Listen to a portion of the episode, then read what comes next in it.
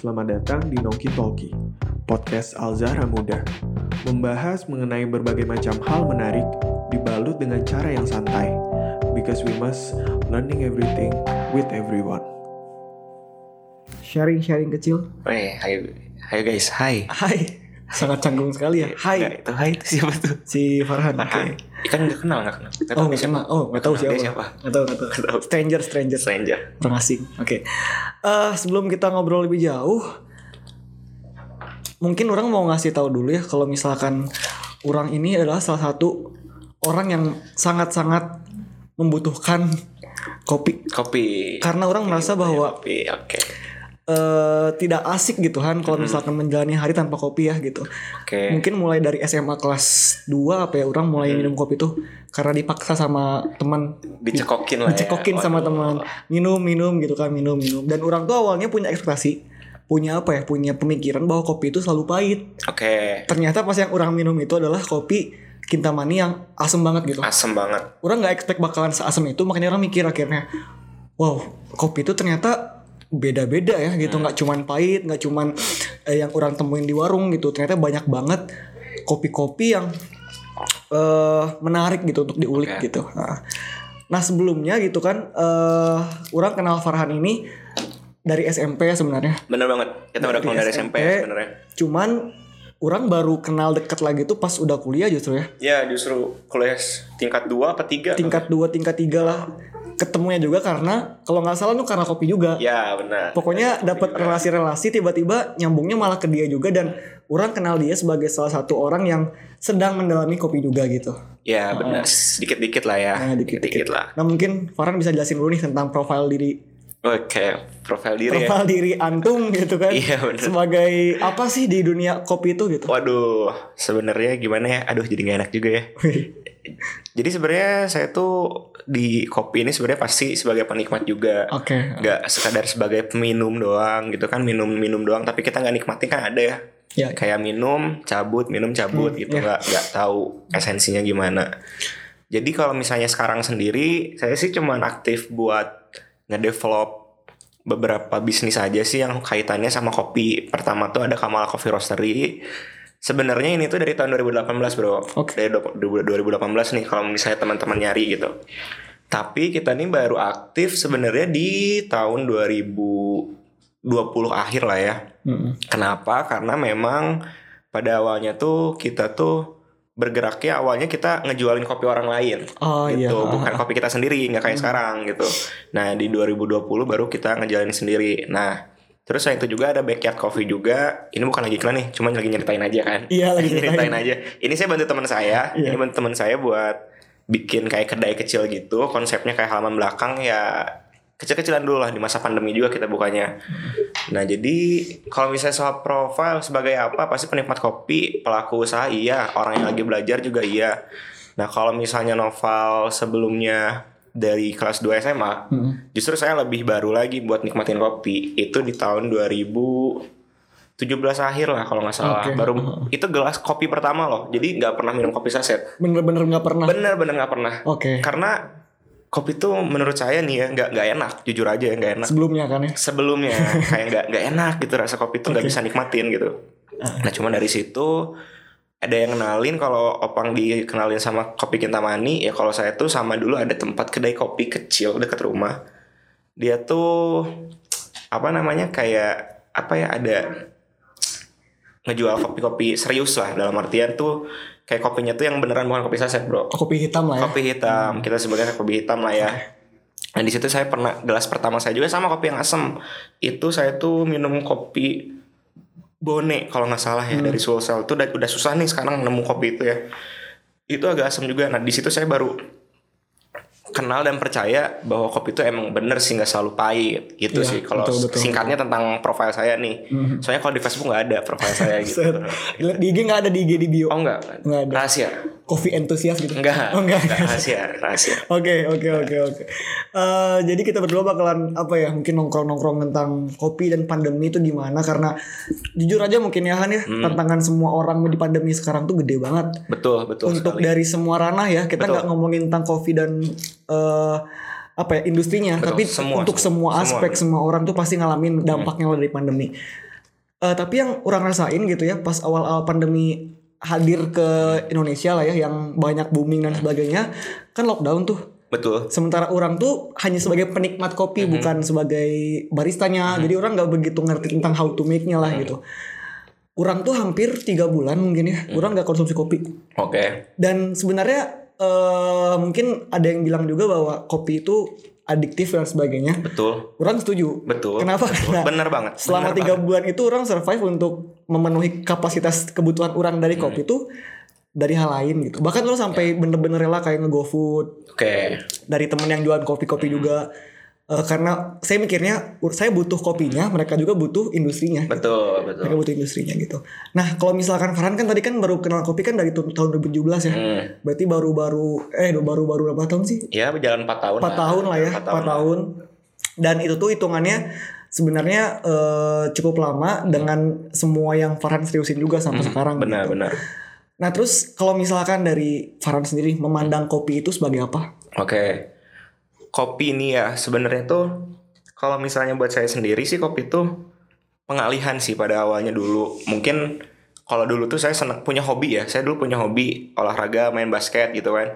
Cuman semenjak kuliah susah lah buat kita nge-maintain Iya, olahraga iya, karena namanya kan kita latihan malam, pagi harus itu. Jadi dulu tuh emang bener seadiktif itu karena menurut saya hobi tuh distraksi dari sedih kita. Betul. atau mood-mood kita lah yang nggak enak ya betul kita dengan hobi kita. Nah, cuman waktu itu tuh dengan memandang kopi itu sebagai hobi baru hmm, gitu. oke oke Awalnya tidak pernah mau kepikiran ada di industri kayak sekarang iya iya gitu. Meskipun emang kita serius belajarnya, Hmm. ikut education class dan lain-lain. betul, Jadi memandang kopi itu sebagai hobi dan lama kelamaan ternyata jadi passion juga nih sama kayak hal-halnya teman-teman kalau punya passion lain gitu. iya ah. Karena ternyata di dalam kopi sendiri ini tuh kalau misalnya bahasa kerennya ada seninya lah Hmm, gitu. Ada seninya juga gitu. Kalau misalnya secara dalam gitu. Makanya ya kalau sejauh ini ya saya masih mana sebagai passion yang akhirnya ternyata siapa sih yang nggak mau dapat rezeki dari si hobinya itu sendiri gitu. Betul. Dan ya itu ngikutin sih sebenarnya. Iya, selama iya. kita jalaninnya sungguh-sungguh sih semua Betul, ngikutin betul, aja sih betul. sebenarnya kayak gitu.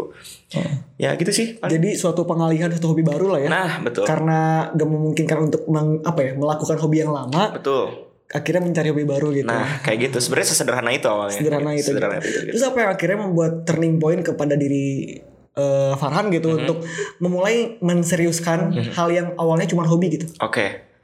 Jadi gini teman-teman, pada dasarnya tuh kopi nih ya, yang saya sering kesalnya eh, sama orang-orang ya sedikit untuk ininya mikirnya. Jadi kayak kopi ini tuh kan dipandangnya sebagai hal yang nggak baik beberapa orang. Bagi beberapa berpikirnya. orang ya? Bagi beberapa orang. Oke. Nah, kenapa saya pengen serius di bidang ini? Karena ketika saya minum itu menurut saya manfaatnya banyak banget bro. Hmm, iya. setuju. Istilahnya asal dikonsumsinya dengan tepat, yang tepat itu manfaatnya luar biasa Betul, gitu. betul. Nah, eh, bahkan kalau misalnya teman-teman tahu ada kayak semacam hadisnya di mana kita tuh bisa ngebuat kita fokus buat ibadah. Mhm. Ngopi itu sebelum kita Iya. subuh ya, Aha. sebelum kita subuhan gitu. Ada hadisnya. Nah, itu maksudnya selain itu juga buat kesehatan banyak banget. Asal memang kita konsumsinya kopi yang tepat di waktu yang tepat Oke. gitu loh. Ah, Nah, kenapa diseriusin? Saya mikirnya dulu sering nih nongkrong ngopi doang. Saya juga pengen tahu kopi sampai ikut kelasnya, tapi dipikir-pikir ada celah nih di industri ini tuh. Dan saya pengen ngasih dampak sama orang-orang yang terlibat di industri ini dari mulai petani. Sebenarnya concern saya lebih ke petani gitu. Jadi kalau misalnya oke misalnya saya ikut kelasnya kelas barista, tapi dari- justru dari situ untuk fondasi, fondasi lah, fondasi pengetahuan untuk meningkatkan taraf kehidupan petani. Karena kalau dipikir-pikir bro, tanah kita subur gitu bro. iya Jadi betul. harusnya memang yang harus dibangun itu adalah hulunya, petaninya gitu. Heeh. One day mereka nggak ada, anak mudanya nggak mau jadi petani, kita bisa apa gitu. Kopi nggak ada, beras nggak ada. Nah makanya saya pengen ngasih tahu nih bahwa kita nih anak-anak muda harusnya tertarik jadi seorang petani Iya, iya. gitu. Jadi jadi banyak banget manfaatnya ya, baik secara ekonomi dan lain-lain. Betul, betul. Jadi kalau misalnya udah ada hasilnya, kalau kita bisa buktikan orang banyak terinspirasi buat jadi petani juga Hmm, gitu. Kan iya. petani itu banyak ya, bukan masalah nyangkul doang loh. Ketika saya masarin kopi itu, nanam dan lain-lain juga itu kan udah jadi petani gitu, Iya. Bro. Mhm. Nah, itu yang pengen saya itu intinya Kamala ini sendiri tuh pengen menginspirasi Iya, gitu. iya. Saya sama teman-teman tuh pengen menginspirasi bahwa ya jadi petani itu hal yang menarik kayak Oh, gitu. mantap banget. Kayak gitu sih. Kenapa diseriusin ini ya gitu. Mantap, mantap, mantap, mantap. Tapi orang juga punya satu visi yang sama kayak Farhan ya. Mungkin eh kenapa gitu pada akhirnya kita tuh gitu ya. Mungkin gak cuma kita banyak juga ya orang-orang yang menikmati kopi itu nggak cuman ingin minum gitu. Betul. Karena orang tuh punya apa ya? Awalnya kopi itu buat orang tadi ya setelah orang nyobain yang kintaman itu orang cuman ngopi itu karena emang nongkrong. Maksudnya tuh karena emang lagi nongkrong ya orang pesan kopi gitu. Betul, betul. Karena yang pertama orang nggak tahu mau pesen apa lagi. Mhm. Kalau pesen mahal, eh kalau pesen makanan mahal, Iya, oke. Iya, iya. mesen minuman-minuman yang lain kayak coklat itu gitu orang mikir ah itu mah banyak dijual Iya, di mana-mana gitu loh kayak Kalau nggak mesen malu. kalau nggak pesen malu jadi orang mikir ya kopi itu kayak jadi penyelamat lah dalam menu gitu ya untuk orang pesan gitu Ya. tapi akhirnya orang menemukan suatu apa ya, interest gitu untuk menelan kopi saat orang tahu bahwa nenek orang Hmm. alhamdulillah nenek orang masih sehat sampai sekarang dia tuh ediktif sama kopi. Oke. tapi kopi saset kopi ABC Oke. gitu. Udah nyebut merek ini kita nggak apa-apa ya. Nggak apa-apa. kopi ABC gitu. Dia tuh bahkan kalau misalkan nggak ngopi ya satu hari itu dia bisa sampai ke enak badan meriang darah Ya, tinggi gitu. ya, ya. bener-bener kayak wah banyak banget lah komplikasi-komplikasi yang dia rasain gitu. Orang kan akhirnya bingung ya kenapa ada orang yang sangat adiktif banget sama satu Ya, hal gitu. oke. Eh, akhirnya orang coba cari-cari tuh cari-cari orang kayak belajar dan sebagainya dan Rauf Rauf Ahmad Rauf Givari itu Oh, teman iya, iya, iya. mana Iya, juga teman teman kita juga. juga anak kacau apa anak Kamala juga Ya, ya Kamala juga dia yang sama. pertama kali ngenalin orang sama how to make kopi gitu Hmm. di kedai kopi yang di mall dulu Ya, yang dia aduh. ada yang laki, di laki, mall- laki square. Eh, bukan laki square yang mall yang sampingnya BTM, BTM, BTM, oke. di situ orang minta ke Rauf Uf orang mau kerja di sini terserah jadi apa pun seminggu Hmm. Apa pun yang penting orang ingin tahu cara mana buat kopi dan cara industri kopi ini jalan gitu Hmm. orang akhirnya di situ ker- nggak kerja sih lebih ke orang bantu-bantu doang Hmm. tiga hari empat hari nyuci piring orang Oke. tapi di situ orang bener-bener dapat banyak insight banget karena dari situ tuh orang punya motivasi untuk Ya. akhirnya kalau orang mungkin lebih ranahnya kan kalau mana tadi kan lebih ke mungkin roastery ke petani juga ya nah kalau orang tuh lebih ke orang tuh tertarik sama kopi itu karena kopi itu mewakili Indonesia. Oke, benar. dari berbagai daerah tuh punya ciri khasnya gitu. Benar, benar. nah akhirnya orang ambil timeline orang ambil rencana untuk go pergi trip gitu ya ke Temanggung. Oke, di mana Temanggung. Temanggung terus ke mana mungkin tahu kayak apa sih? Posong desa Posong. Ya, Taman Posong tau tau. dan sebagainya gitu. Orang eksplor di situ orang banyak belajar di situ dan akhirnya orang mengerti bahwa esensi orang minum kopi segelas kopi itu orang tuh membantu petani gede banget Betul. walaupun sekarang mungkin atau enggak mungkin banyak eh, apa ya kopi-kopi yang dijual di sini tuh untungnya gedenya ke coffee shop ya Betul. tapi orang yakin semakin banyak orang yang suka kopi kopi-kopi hitam gitu ya khususnya pasti petani-petani di desa-desa juga bisa banyak yang meminta kopinya lagi gitu Iya. membeli kopinya lagi gitu. Benar-benar. Nah karena orang nggak begitu ngerti sama teknisnya, akhirnya orang mikir, ya mungkin kalau orang nggak begitu paham cara buatnya gimana, cara ngerosting gimana, tapi orang selalu apa ya istiqomah lah untuk minimal tiap minggu tiga kali lah orang Iya, ada maksimal tiga minggu terjadwal lah ya. Iya ada jadwalnya lah orang harus kopi kopi hitam gitu maksudnya kopi-kopi yang emang base nya dibuat dari biji kopi yang emang dibuat dari petaninya juga Oke. gitu. Nah sampai ranah sekarang kan maksudnya dari berbagai macam hal-hal yang mana udah hadapi orang udah hadapi. Hmm.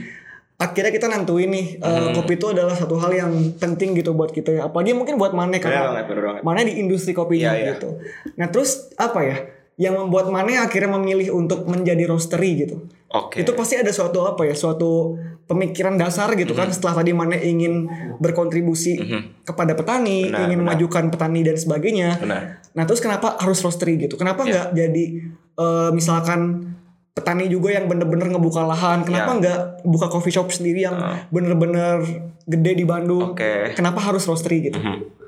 Sebenarnya kalau kenapa kenapa sih harus roastery misalnya sebenarnya basicnya saya sendiri secara ilmu keta- pengetahuan ya di bidang kopi sebenarnya emang lebih ke barista nih Iya. dibandingkan ke roastery awalnya apalagi ke petani gitu kan gitu. Nah cuman dulu waktu pas awal-awal di kampus yang sering cerita soal unit kegiatan mahasiswa nih ada namanya Logic Coffee gitu ya. Nah ini emang pada das awalnya ini kita tuh emang lebih memperhatikan si rantai pasoknya gitu Betul, betul. Eh, kayak di hilirnya seperti apa, di hulunya seperti apa. Kita cuman mikirin gimana ningkatin nilai produk.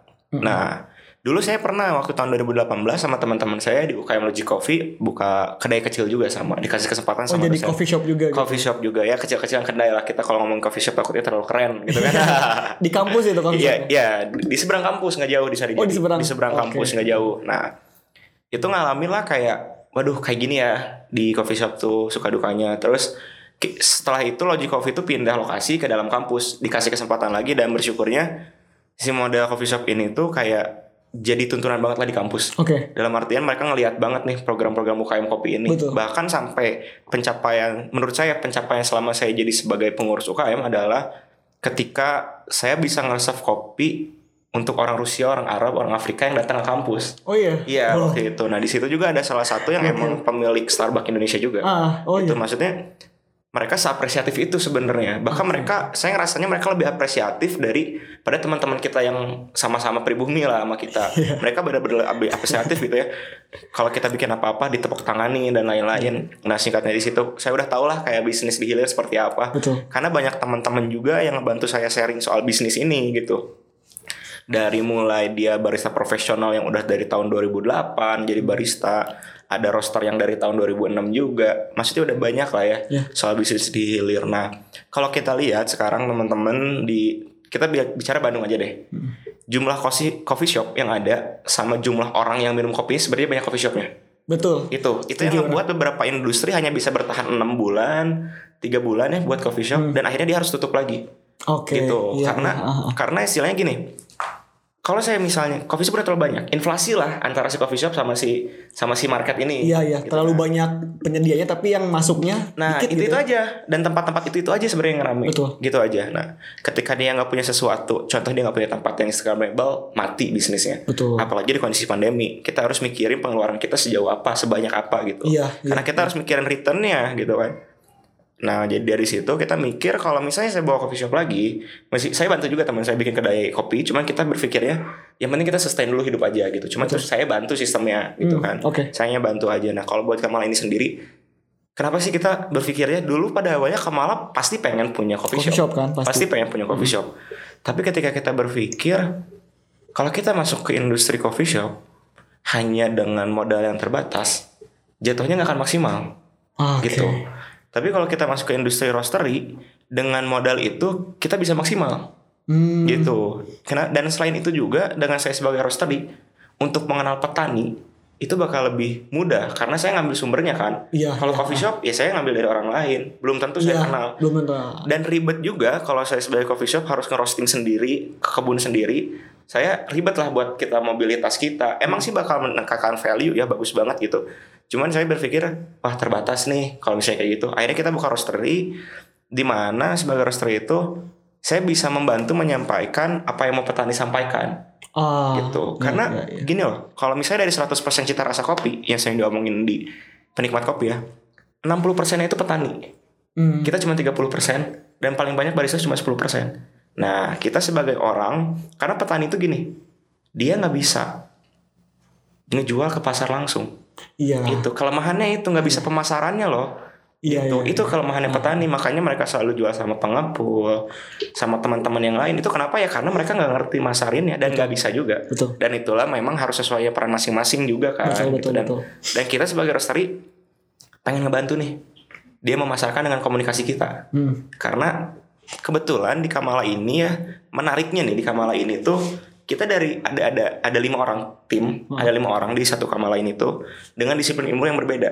Wow. Cuman kita ada anak akuntansi, kita ada agri- agribisnis, agroteknologi, ada anak manajemen juga.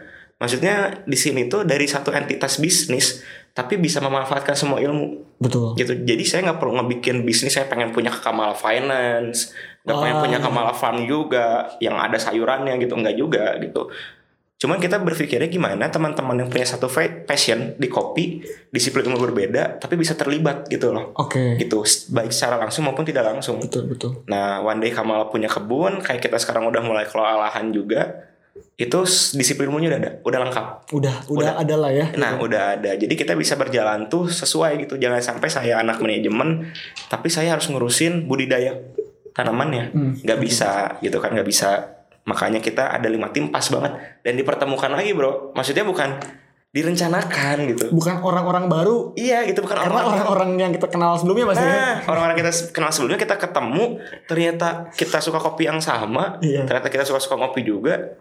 Ya akhirnya, yaudah deh kita bikin roastery aja. Iya, iya. Dan kebetulan juga dari tim kita ada rezeki, udah kita bikin roastery aja kayak Oke. gitu. Dan pada akhirnya ketika kita mikirin awalnya kita selain pengen bantu, dan kita berpikir juga kita akan lebih mudah bertahan di kondisi pandemi dengan roastery ini Betul. dibandingkan pakai coffee shop. Coffee shop tuh istilahnya kalau secara bisnisnya costnya besar banget Hmm. costnya besar banget meskipun revenue-nya besar tapi costnya juga besar kalau misalnya kayak roster itu kita berpikirnya kita punya kewajiban kuliah nih masih teman-teman juga nih kalian masih anak kuliah kita effortnya nggak terlalu gede nggak perlu terlalu capek ke sana kini kayak jaga kedai harus tiap hari Betul. Tapi kita bisa dapat return yang bagus dan bisa ngasih manfaat yang sama besarnya gak kalah besarnya sama coffee shop buat Betul. petani itu sendiri Ah iya. kayak iya, gitu ah, ah. why Kamala Roastery Oke. Kayak gitu that's why gitu. Bener-bener ini banget ya. Eh, dari awal sampai sampai akhirnya ada Kamal Roastery itu dipertimbangin dari berbagai macam hal-hal variabel lainnya gitu. halus harus dong Bukan harus. kalian dan juga tadi masalah visi juga. Ada yang menarik juga sebenarnya yang orang tadi mau highlight Hmm. ya tentang petani gitu. Eh benar kata Maya tadi, petani itu nggak bisa mendeliver message dari dia langsung ke pasar. betul itu memang Ini orang hadapi banget di Temanggung. Hmm. Orang ketemu sama petani, dia tuh eh, jadi di Temanggung tuh yang orang datangin tuh desanya tuh eh, banyaknya tuh tembakau bukan peta- bukan Iya kopi. benar benar Bukan kopi. Jadi benar. kalau misalkan dibandingin tembakau, kopi itu cuma 20% lah mungkin ya. betul Tapi ada tetap gitu dan eh, kopi-kopi Temanggung tuh sebenarnya enak ya, tapi Benar. karena kurang di highlight sama pasar, iya jadinya redup gitu. betul Adapun juga yang emang di tuh kayak kopi posong tuh emang udah terkenal aja gitu kan kopi Hmm. posong gitu. Tapi kopi-kopi lain yang emang di desa-desa kecil tuh menurut orang tuh mereka belum di highlight banget sama pasar gitu. betul Tapi enak kopinya gitu. Nah, orang datang ke suatu rumah petani kopi, itu orang ngobrol sama dia. Eh dia bilang kurang gini, eh mau apa deh ke sini gitu kan nanya-nanya dan sebagainya.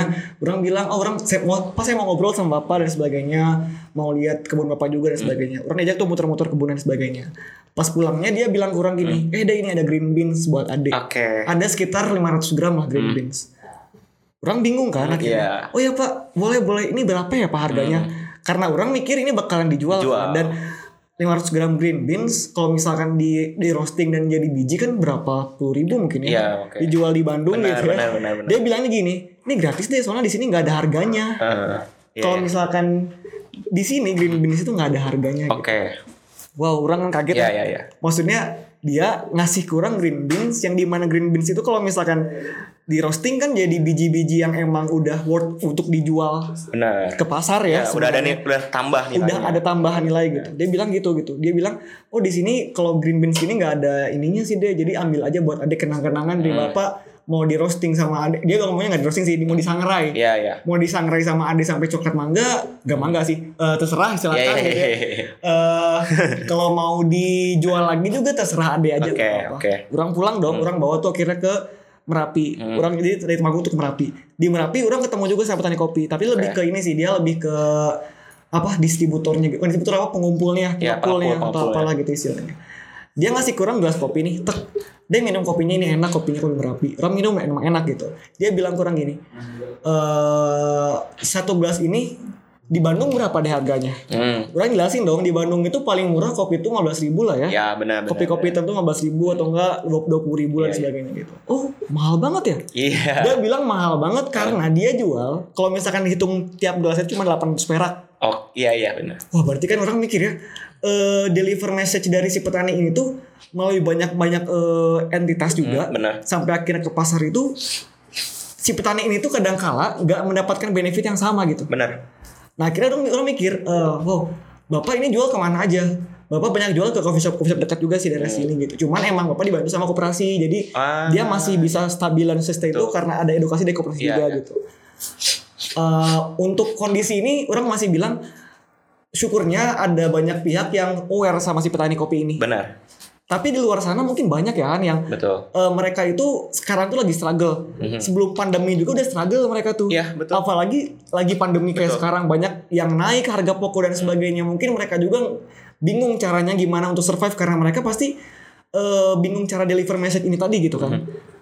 Nah akhirnya orang berpikir bahwa eh, kalau misalkan visi dari coffee shop atau nggak dari roastery dari semua entitas kopi yang ada setelah si petani kopi ini sampai ke market pasar tadi itu sama untuk memajukan seluruh dari hulu sampai hilir. Benar. Orang yakin kayaknya nggak akan ada yang merasa sengsara gitu. Ya. Soalnya orang mikir gini kan, kalau misalkan kan kalau misalkan kopi itu dijual di di pasaran tuh beda-beda ya, ada yang mahal, ada yang murah tergantung dari coffee shopnya juga mungkin ya. Tapi kan orang yakin bahwa dari hulunya gitu mungkin eh, karena petaninya sendiri bilang kurang dari apa yang orang dengar juga dia bilang bahwa apa adanya lah kasarnya gitu harga dan sebagainya dia kasih apa adanya. cara untuk serga, apa ya struggle sama survive itu pasti nggak akan gampang buat petani kopi ini gitu. Betul sulit banget sih. Nah untuk bisa membuat seluruh entitas dari hulu ke hilir ini bisa sejahtera apalagi di masa pandemi sekarang ini itu kan masih susah banget ya. Mhm. Butuh kebersamaan lah Betul. antar semua entitas coffee shop atau roastery atau apa pun itulah gitu. Nah kalau misalkan dari Kamala sendiri, eh, cara apa gitu yang Kamala bisa apa ya lakukan gitu untuk Ya. bisa mengaplikasikan perjuangan ini gitu. Ya. Di mana yang orang rasain ya bisnis kopi itu eh, yang karena orang tahu karena orang tahu di situ bisnis kopi itu adalah bisnis yang memperjuangkan hak atas petani juga gitu. Seharusnya. Seharusnya. Seharusnya. Karena kita tuh bergantung sama mereka juga. Ya, seharusnya gitu Kasarnya sih. gini, roastery nggak akan ada kalau nggak ada petani kan. Mhm. Coffee shop nggak akan buka kalau misalnya nggak ada bijinya gitu. Betul. Maksudnya tuh kita tuh harus bisa memuliakan dari hulu juga. Betul. Tapi yang sekarang orang rasain setelah fakta itu orang tahu banyak orang-orang yang mempunyai bisnis kopi di hilir, Mhm. tapi mereka nggak tahu tentang hulunya. Ya, Nah itu cara dari mana sendiri nih sebagai orang yang aware sama itu untuk bisa mendeliver message ini ke Ya. orang-orang tuh gimana? ya, oke. Jadi pertama nih buat teman-teman yang belum tahu juga, jadi petani kopi itu benar-benar cukup sulit, sangat sulit sekali. Ketika tanam kopi itu kita harus nungguin kopi ini berbuah di umur tiga, umur ketiga ya itu pun masih belajar berbuah, cita rasa belum maksimal, produktivitas masih belum maksimal juga, dan betapa sulitnya bayangin gitu kan. Udah mah kopinya tidak terlalu dihargai, Betul. terus harus puasa juga makanya biasanya kalau misalnya petani kopi itu dia nanam tanaman lain dulu selama masih si kopinya masih belum produktivitasnya belum maksimal gitu nah gimana sih cara Kamala gitu pada awalnya Kamala pengen banget bisa mensejahterakan semua petani ya. Maksudnya dari kita adalah satu petani yang benar-benar kita sejahterakan dari dari ujung Indonesia gitu ya. Dari ujung barat sampai ujung timur gitu. Tapi kan gak bisa juga. Kita masih terbatas banget. Betul. nah bu terus selain itu juga buat nanggepin yang tadi Opang bilang kayak harga kopi itu di hulunya berapa, di sini sampai berapa. Karena ada beberapa literatur juga yang saya baca dari jurnal-jurnal itu, kopi ini kita sebut sebagai eh, prosesnya tuh 71 tangan. Kenapa Oh. kayak gitu? Jadi kayak pe- dari petani bisa nyampe ke saya, dari saya disampaikan ke teman-teman lain. Pokoknya terus aja harganya selalu makin mahal, tapi dari petaninya harganya sama-sama aja Hmm, ya. kayak gitu. Nah, nih yang yang kadang saya sedihnya juga sama pasti ketika kopi ini atau orang yang paling hulu, yang paling hilir nih, kan teman-teman barista kita dong yang paling hilir, Betul. gitu. Yang kadang deliverynya masih belum maksimal, Hmm. gitu. Karena kita bisa bilang ya mereka juga nggak bisa nyuruh apa-apa tanpa si petani ini. Gitu. Iya betul. Nah, Kamala pengen ngasih tahu, ngedukasi petaninya dan baristanya juga dari mana kopi ini berasal dengan cara kita mengenali petaninya. Ah, Kayak iya gitu. iya iya. Kita nggak mau bawa kopinya kalau kita nggak kenal petaninya. betul. Kenapa? Karena kita pengen tahu cerita tentang si kopi ini kenapa dia nanam kopi. Kita Betul, pengen betul, tahu. Betul, betul. Petani kita nih salah satunya yang udah sering kita obrolin juga yang petani di ini ya daerah Batu Lonceng eh, Mang Apen ini. Maafin. Kalau misalnya ditanya kenapa dia nanam kopi, jawabannya sederhana aja. Dia suka ketika kopi itu berbuah. Dia suka ketika Ketika kopi itu berbuah. berbuah. Iya. Oke. Pan, ketika panen itu senang liatnya dia bilang. Karena merah kan gitu ya kayak anggur banyak-banyak gitu. Iya iya, bulat- kayak ber- bergelumbul lah ya. Iya bergelumbul itu senang banget apalagi kopi robusta itu kan banyak banget tuh buah kopinya. Nah, sesederhana itu. Hmm. Tapi dia secara misalnya budidaya kopinya, dia cuma ngerti gimana oh ini bibit bagus, tanam. Secara varietas ataupun disiplin ilmunya benar-benar dalam, dia nggak ngerti. Oke. Oke, tapi dia tahu caranya gimana ngerawat kopi secara baik dan benar lah. Iya iya. Gitu. Nah, terus kita tuh beli kopi ke dia, kita kasih tahu, ini kopi tuh enak. Meskipun prosesnya masih pas-pasan Betul. gitu. Kita bilang kita nggak bisa ngasih uang fresh money gitu. Kita nggak bisa, kita cuma bisa beli kopi dia. Iya. Kita nggak tawar nggak apa, silahkan tawarin harganya. Itu kan salah ban- salah satu bantu ya. Iya sama-sama. Dan selain itu juga kita lagi mau bikinin dia greenhouse. Oke. Bisa cuma-cuma, cuma-cuma nggak Bener-bener gratis bener-bener gratis gitu. buat dia. Oke. Karena istilahnya ketika produk dia meningkat kualitasnya, itu efeknya buat orang juga. Ya secara bisnis emang mana untung pasti. Iya kan? gitu. Iya, Seriusnya buat orang juga, Iya, buat betul. Kamala juga betul gitu. betul. Orang nggak berharap nanti kopinya didiskonin atau gimana nggak. Iya. Tapi kita pengen si kopi ini tuh semakin maksimal dan semakin dikenal. Oke. Kayak gitu. Kenapa ya? Yang kadang bingung tuh kenapa kalau misalnya kita tahu kopi itu paling banyak eksportir tuh yang penghasil kopi itu paling banyak Brazil. Hmm. Kopi-kopi Brazil nih enak-enak, mahal juga kopinya, terkenal juga. Terus kalau di luar negeri di Ethiopia, di Kolombia, di Panama tuh itu emang tempat tuh udah diindustrialisasi banget. Oke. Udah terintegrasi gitu, alat-alatnya, ada gondolanya juga buat distribusi. Terus jadi si petaninya tuh sejahtera gitu loh. bener-bener dibantu gitu ya Bener dengan banget. teknologi dengan aset gitu ya Nah, jadi si tempat tanamannya itu bener-bener kayak dibikin kayak hutan gitu lah. Kayak ada tempat apa ya namanya? Saya suka bingung juga sih namanya. Itulah pokoknya. Oke. Jadi itu itu menarik banget ya si tempatnya itu jadi bagus gitu kan. Semuanya terintegrasi. Pengepulnya di situ, kebunnya di situ. Dan quality controlnya baik juga. Nah, masalahnya kalau di Indonesia ini memang mungkin belum satu visi betul gitu semuanya belum segaris nih nah belum linear antara mungkin teman-teman yang ada di Sumatera sama teman-teman yang Jawa Barat atau di tempat lain. Nah saya berharap kalau Kamala berhasil ngebantu si petani ini kita bisa menginspirasi. Betul. Gitu karena kita mikirnya ad- kalau kita bisa menginspirasi orang dampaknya bakal luas banget. Betul betul. Kayak gitu kita bisa menginspirasi orang. Makanya gini loh kadang yang pengennya tuh ya kalau Kamala tuh pengen bisa masuk kayak ke SMA SMA kita bantu mereka bikin ekskul kenapa? Karena saya rasa ternyata si barista ini sendiri juga sudah mulai diminati banget nih kalangan SMA pengen part time betul. Karena bisa dibilang barista ini juga sebagai lifestyle ya. Iya. Gaya baru gitu orang untuk nyari kerja. Karena sederhana kok teman-teman sebenarnya kopi tuh. Nggak, jangan dibikin ribet gitu. Sederhana kita bisa kok paham kopi gitu. Asal kita mau dan tekun gitu ya buat memahami itu gitu kita nikmatin. Karena kalau misalnya kita ada ekskul balik lagi sorry ke yang ekskul tadi ada keahlian tambahan bro. Hmm. gitu kayak kita di UKM kita ngelatih barista kita ngelatih dulu dan lain-lain kalau misalnya one day emang mereka passionnya di kopi tapi ilmunya apa kayak misalnya ilmunya dia bukan di kopi gitu ya bukan in food and beverage tapi mereka punya keahlian tambahan gitu buat mengaplikasikan di dunia kerja gitu. Bisa nambah uang jajan dan lain-lain. Nah kita makanya kenapa kita pengen banget bisa masuk ke SMA bikin ekskul kita bantu mereka gitu. Karena tuh menurut saya yang namanya rezeki dalam tanda kutip itu uang itu bakal ngikutin gitu. Iya. Karena selama ini apa yang dilakuin Kamala pada akhirnya akan mengikuti. Dulu pas awal-awal Kamala ada tahun 2018 yang dipikirin saya sama Rauf cuma satu. Gue pengen punya usaha. Kita nggak punya modal banyak nih. Hmm. kita jualan biji kopi aja. Pada awalnya itu sesederhana itu. Iya iya. Kayak gitu. Kamala itu kan kayak bunga teratai ya. Hmm. bunga teratai. Kita berharapnya dia bisa mekar gitu loh selalu Oke, mekar gitu seindah itu gitu Ah. kan mekar gitu kan. Kita pengennya si Kamala ini semakin mekar dari tahun ke tahun yang nantinya kita bisa menginspirasi orang-orang. Betul gitu. betul. Dan kalau misalnya saya berhasil di model ini ya di ngebantu Mang Apen ini saya berharapnya banyak orang yang ber wah terinspirasi nih gitu. Iya iya iya. karena kelihatan istilahnya kalau di satu rantai pasok tuh semua harus makmur ya. Petaninya makmur. Kalau petaninya makmur sayanya makmur.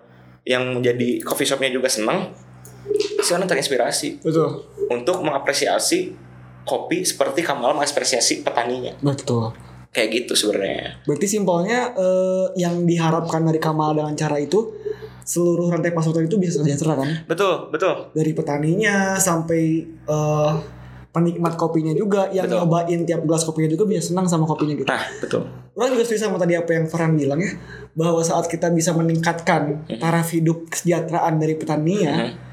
Pasti dia bakalan scale up juga sama kopinya gitu. betul Dia pasti bakal makin senang, makin semangat sama eh, kopinya gitu. Ya. Makin dia olah, makin dia rawat. Mhm. Maneh juga pasti ngerasain dampaknya kan. iya betul Orang-orang yang beli kopi di mana, roast coffee coffee shop, coffee shop yang di mana juga pasti bakal nikmatin. Oh, Iya. kopinya makin enak nih nah bro, gitu itu kan. itu Orang yang benar. nikmatin kopi juga pasti bakal suka. Eh Kang yang yang barista ini gitu kan. Enak banget ini kopinya Hmm. gitu kan. Akhirnya seluruh orang yang terlintas di kopi ini tuh Mhm. Sejahtera dan apa ya bahagia sama apa yang emang udah dilakuin dari seluruh orang-orang ini gitu. nah itu betul Tapi kan emang di kenyataannya emang nggak semua ya, walaupun ada beberapa eh, coffee shop atau eh, orang-orang yang udah mulai aware sama ini, Mhm. tapi juga ada beberapa juga pastinya yang belum aware masalah ini. Iya. Dan itu kan PR kita bersama yang sama-sama saling mengingatkan tadi gitu ya, biar kita bisa mensejahterakan hulu ke hilir tadi. Betul. Coffee shopnya maju, makin makin banyak cabangnya dan sebagainya.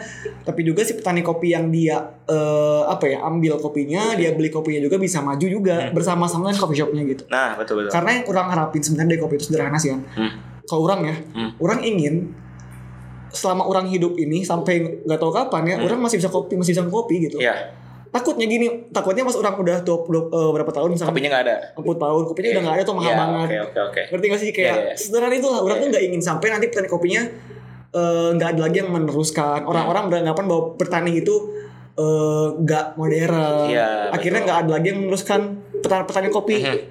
Akhirnya nggak ada lagi coffee shop. Akhirnya nggak ada lagi kopi. Orang harus beli kopi itu misalkan ekspor dari Brazil misalkan. Iya. Orang nggak mau kayak gitu. Ya, ya. Makanya orang juga aware ingin aware di sini karena orang merasa bahwa orang membutuhkan kopi. Ya. Dan saat kita semua membutuhkan kopi atau apa ya, saat kita merasa eh, kita punya apa ya, punya hidup di industri ini gitu ya, punya hidup di industri kopi ini ya, orang berharap bahwa seluruh entitasnya juga bisa sama-sama membangun Ya. kesejahteraan dari masing-masing gitu. Betul. Karena tadi kalau misalkan kita cuma sekedar eh, membeli itu hak kita, Betul. itu hak kita.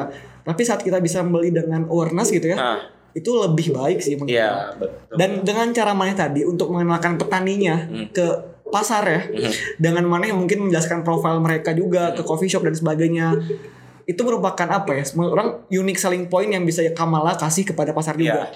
Karena menurut orang ya, sekarang itu gitu orang-orang tuh bakalan lebih trust sama sentimental value gitu di mana saat maneh bisa memberitahu tentang sentimental value dari biji Hmm. ini itu apa siapa sih yang nanam biji ini siapa sih yang eh, mengelo- mengolah eh, petaninya dan sebagainya siapa gitu pasti bahkan banyak orang-orang yang trust sama maneh karena pada akhirnya mereka kenal sama petaninya siapa gitu Betul. betul. walaupun mungkin bakalan susah ya Ya, betul. karena perjalanan itu pasti akan gampang karena sejauh ini gitu yang orang rasain eh belum sevisinya tuh karena ada kepentingan bisnis yang lebih besar gitu Ya. walaupun tuh nggak salah tapi Hmm. apa salahnya saat kepentingan bisnis itu bisa juga berdampak baik sama hulu Betul. gitu sih menurut orang Betul. betul. Nah, eh kan gara-gara sekarang pandemi nih kan, pasti sebenarnya semuanya struggle tadi kan ya kita bahas struggle tadi gitu. Ada dampak nggak yang Kamala rasain dari pandemi ini? Atau enggak apa yang kira-kira Kamala rasakan perubahan saat Kamala dulu 2018 menjual biji-biji, sekarang udah mulai masuk ke hulu untuk mengolah juga, dan juga pandemi dampaknya apa dan how to your struggle lah gitu. Hmm. Jadi gini ya sebenarnya teman-teman eh kalau problemnya yang ngebuat kita agak-agak bermasalah tuh sekarang di masa pandemi adalah eh, beberapa petani itu ketika pas udah masuk masa pandemi banyak mereka tuh kalau ada orang panik buying. Kalau ini namanya panic selling jatuhnya. Kenapa? Karena mereka ngerasa wah ini pandemi. Ini barang harus dijual segera daripada nanti nggak kejual. Oke. Nah mereka banyak jual kopinya lepas langsung ketika tiga bulan pandemi kalau nggak salah. Kita baru mungkin Corona Breakdown bulan Februari atau Maret lah ya. Maret, ah. Maret sekitar Maret. Waktu pas saya sekitar bulan Juni ke daerah Ciwidey, eh, di situ tuh ada namanya kelompok tani Mekarsari eh, yang di bawah perkumpulan kopi Ciwidey itu mengolah kopinya sedikit-sedikit. Dan banyak yang istilahnya emang dijualnya cepat. Karena mereka takut kopinya nggak kejual. Mereka nggak tahu coffee shop bakal buka lagi. Hmm. Nah, problemnya adalah ketika kopi ini banyak dilepas duluan, kalau buat Kamala ini sendiri ada beberapa supply kopi kita yang jadi terbatas. Karena Ya. udah terlanjur dilepas sama Betul, petaninya. betul, betul. Nah, contohnya kayak kopi robusta yang sering kita pakai. Itu kita harus kehabisan kopi robusta di bulan bulan 1 ya, bulan Januari gitu. Kita udah kehabisan karena permintaan kita tetap naik alhamdulillah. Tapi kan harusnya kan kalau produk itu selalu sama robustanya. Kita pengennya gitu, tapi kan nggak ada robustanya. Dan itu harus ngebuat kita ngasih effort tambahan mencari petani lain yang belum tentu kualitasnya sama Iya, oke. gitu kan. Nah makanya itu sih eh, karena buat si pandemi itu, buat dampaknya buat si Kamala. Nah selain itu juga ada juga dampak kayak coffee shop nggak nggak sebanyak dulu gitu kan. Hmm. Dan permintaan mereka juga banyak yang turun juga, apalagi Iya. karena PSBB loh. Nah, Iya. banget orang baru ngopi biasanya mulai jam 7 kalau kita. Nah ini ini harus dihindarin juga sebenarnya kita ngopi terlalu malam ya teman-teman. Karena sebenarnya pada dasarnya secara kesehatan kita butuh pagi kalau nggak sore Betul. itu karena hormon kitanya emang butuh di situ kita ada hormon apa gitu saya lupa bisa tuh ada cek kesehatan ya itu nah makanya orang Indonesia tuh karena konsumsinya salah jadi nggak tidur Jadi begadang. jadi begadang. Berdagang. nah terus paginya juga bukan sarapan tapi ngopi duluan. Nah itulah yang bikin sakit. Karena kita nggak tahu harus kapan konsumsinya. Betul, betul, betul, betul. berapa cangkirnya beda sama orang lain. Kayak orang Eropa kenapa sih dulu Belanda bawa kopinya ke sini? Ya karena dampak buat kesehatannya bagus. Orang yang minum 4 cangkir sehari kopi lebih rendah resikonya 15 sampai 30% terkena diabetes. Wow, serius. Serius. Ini banyak banget nih risetnya. Harapan hidup orang Finlandia juga yang ngopi Oke. dibandingkan orang nggak ngopi, harapan hidupnya lebih tinggi 70%. Ada kayak gitu. Jadi maksudnya ini menarik juga nih faktanya selain pandemi nih. Berarti Makanya nggak usah minum air putih kan? Nah, ini sih katanya orang Belanda nih jarang minum air putih, katanya. Serius. Mereka cuma minum air air putih. Oh, soalnya nggak ada kita wening sih. Iya benar, gak ada cerita wening juga kan, gak, juga. gak ada air putih. Intinya dia minumnya cuma coklat, biasanya susu Ah. sama kopi mungkin mereka udah terbiasa kali ya dari kecilnya kali ya minum air putihnya dikit. Kalau kita kan nggak tahu beda. Beda-beda mungkin beda. ya. kita kan orang Indonesia. Beda. Beda beda lambungnya beda. Lambungnya ginjalnya beda gitu kan. Nah itu. Nah kalau terus selain itu di masa pandemi balik lagi ke topik yang pandemi eh, kan tadi dia bilang tuh si coffee shopnya kan banyak yang turun juga karena psbb gitu kan. Omsetnya otomatis si konsumsi kopinya kan makin rendah juga Iya, iya. Nah, termasuk itu pasti berdampak juga ke kita. Misalnya kan customer kita yang biasanya mm, mesen 10 kilo misalnya 7 kilo sekarang mungkin cuma habis 5 kadang 3 2 gitu apalagi sekarang tuh lagi agak susah di kita ngejual kopi single originnya Oh iya. ya single origin kalau single origin tuh sederhananya kayak gini teman-teman kayak kopi-kopi yang dibikin kopi tubruk misalnya dari daerah A daerah B daerah C Yang ada namanya ya. nah betul Kintamani, origin kan Malayang gitu-gitu. Nah, single origin jadi dari salah satu tempat gitu, satu tempat itu agak susah juga sekarang. Mungkin nggak tahu penikmat juga pada ke mana dan lain-lain lah ya. Dan yang jadi susah buat kita pasti ini secara bisnisnya ya. Hmm. Secara bisnisnya kita kan pasti udah targetin nih. Misalnya kita eh, return of investmentnya kapan? Atau BEP-nya kapan nih? Kita udah hitungnya tadinya 14 bulan, wah kita harus molor lagi. Iya iya. Karena pertimbangan kita sekarang kalau misalnya jadi pelaku usaha adalah apa? Yang penting kita nggak mati Iya. yang penting kita nggak gulung tikar kita masih tetap bisa jalan terus kita masih bisa hidup Setuju setuju. karena itu karena harus percaya setelah krisis pasti ada saatnya keluar dari krisis Iya. kayak gitu pasti ada saatnya keluar dari krisis jadi kayak gini deh kita sambungin sama kopi dia bilang kan kopi selalu pahit yang namanya hidup pasti pahit bro Wih. iya pasti pahit bro dulu instruktur saya kalau kita sensori ya Instruktur itu apa? buat Instruktur- instruktur pelatihan Oh pelatihan kopi ya. Pelatihan kopi. Jadi kalau kita sensori kan nyobain kopi tuh, Hmm. rasa cita rasanya gini. Kalau misalnya di otak kita pahit, yang kita rasain dari kopi itu pasti pahit, selalu pahit. Karena kita pas begitu nyoba kopi pertama itu kan pahit. Ya emang kopinya pahit. Oh. Gak ada kopi asam yang hilang pahitnya kan. Iya, Pahitnya iya. pasti tetap ada. Masih tetap Tapi ada kalau pahit. kita percaya bahwa ada rasa lain selain pahit, barulah kita bisa nangkep rasa lainnya.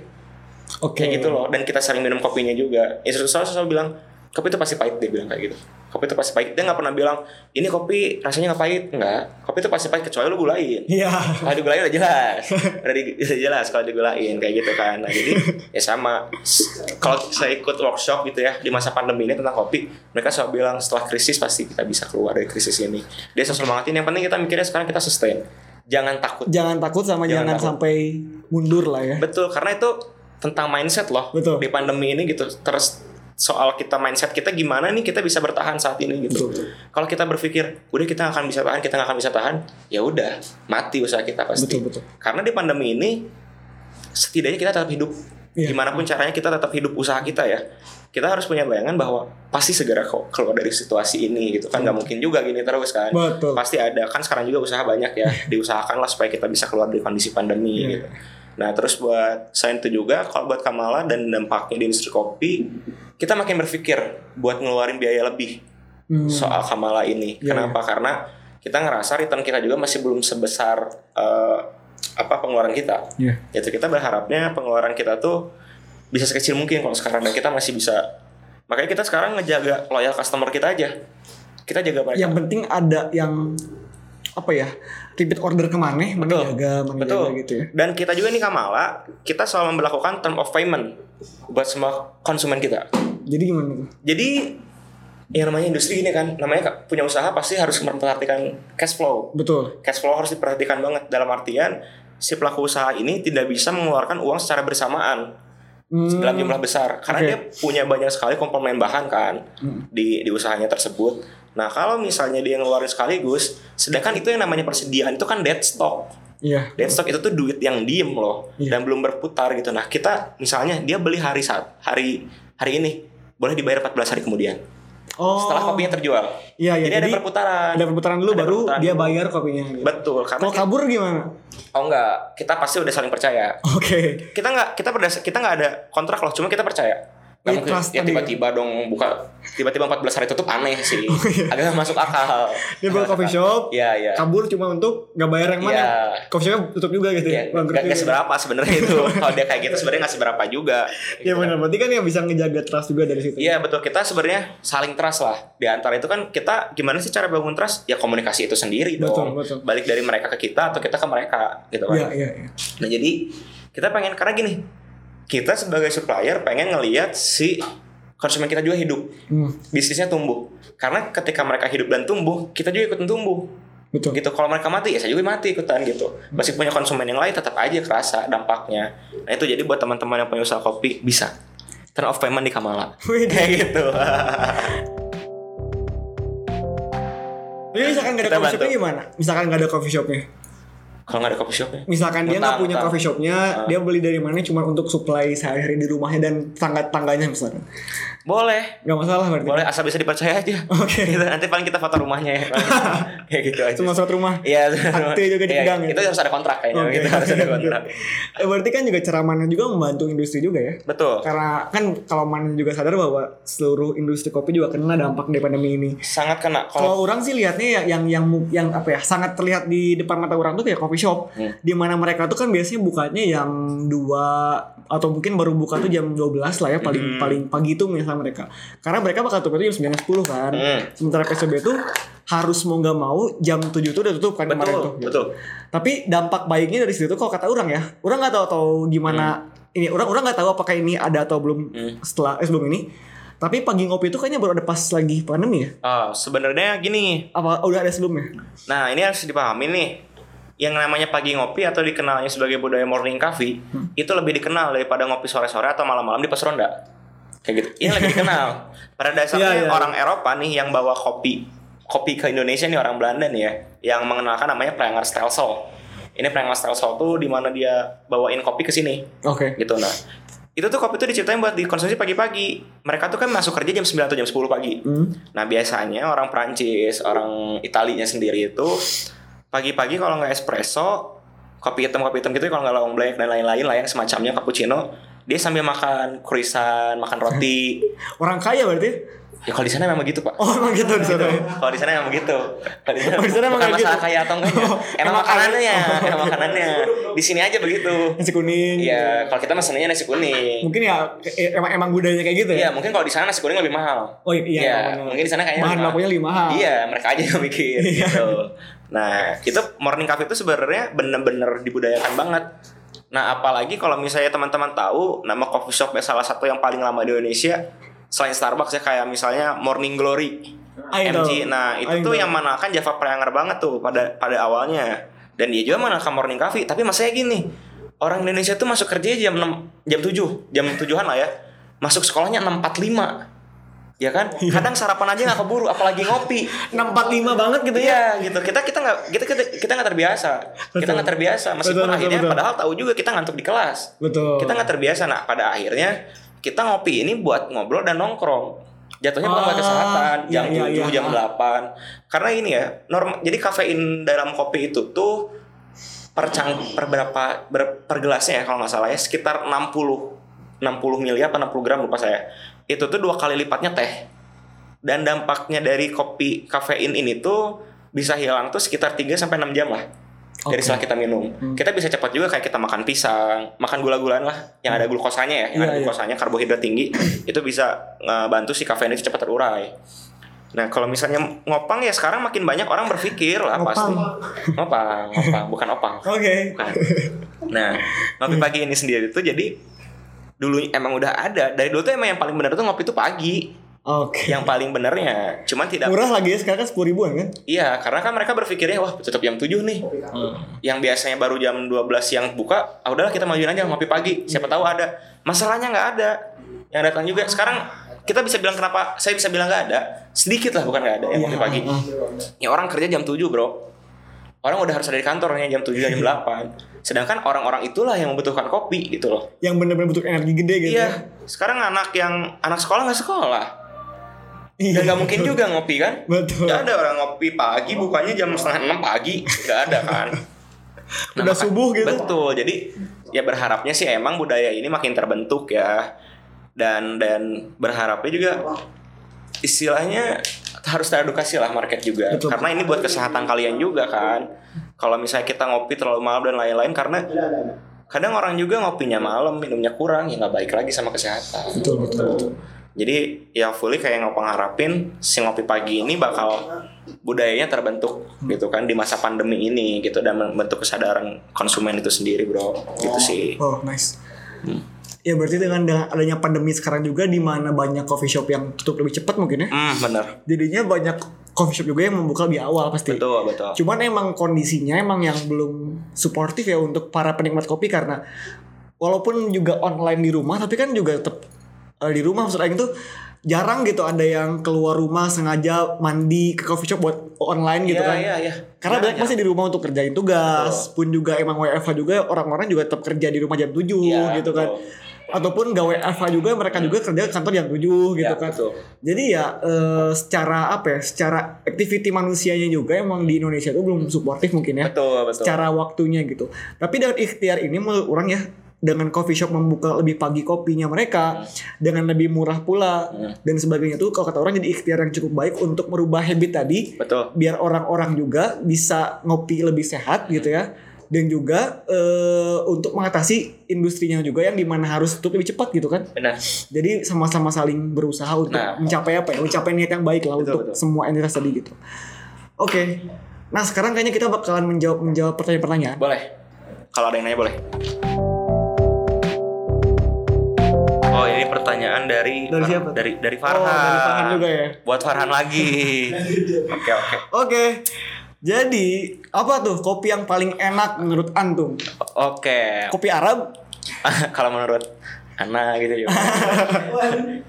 Enggak sih kalau misalnya kalau menurut saya kan kalau misalnya kopi ya selera ya. Betul, selera. Balik lagi ini kan perspektif masing-masing ya beda-beda ya. Apang sama saya pasti beda. Nah kalau menurut saya sebagai penikmat kopi, kopi yang enak tuh kopi yang tidak terlalu pekat, bukan tidak terlalu pahit, tapi tidak terlalu pekat kopinya. Jadi kalau saya sih paling suka ya sama karakter kopi Jawa Barat sih pasti. Karena kopi Jawa Barat tuh kesannya lebih apa ya asem lah. lebih rumah Iya. kan di Jawa Barat Oh iya benar. Lucu. kopi puntang sih Iya iya iya. kopi puntang Iya, Mang Layang Iya benar. Nah, kopi puntang tuh enak banget karena emang pernah juara juga di Atlanta tahun Ya. 2017. Buat Java. Pranger ya Namanya puntang tapi bawa nama puntang. Oh, iya. Ya emang bagian dari Java Pranger juga pasti. Setiap kopi yang ada di sini bagian dari Java Pranger dong. Itu enak Iya, banget kopi puntang. Cuman kalau buat saya kopi yang paling enak ya Ya kopi Jawa Barat pokoknya semua enak sih kopi Jawa Barat karena rasanya buah-buahannya keluar gitu. yang paling yang paling Aduh, susah, saya bingung. ya udah yang paling enak dari roastery mana Waduh, jangan gitu dong. jangan gitu dong. Memecah. Jangan, jangan, jangan. Kalau- Kalau misalnya kopi yang paling enak, saya suka sih sama kopi puntang. Kopi puntang tapi yang benar-benar asli puntang ya. Yang benar-benar asli puntang yang emang tahun 2017 itu. Sama dulu ada natural subang, saya suka banget. Tapi natural subangnya saya pengen yang kayak dulu. Gak tau ya, udah natural subang pokoknya ada.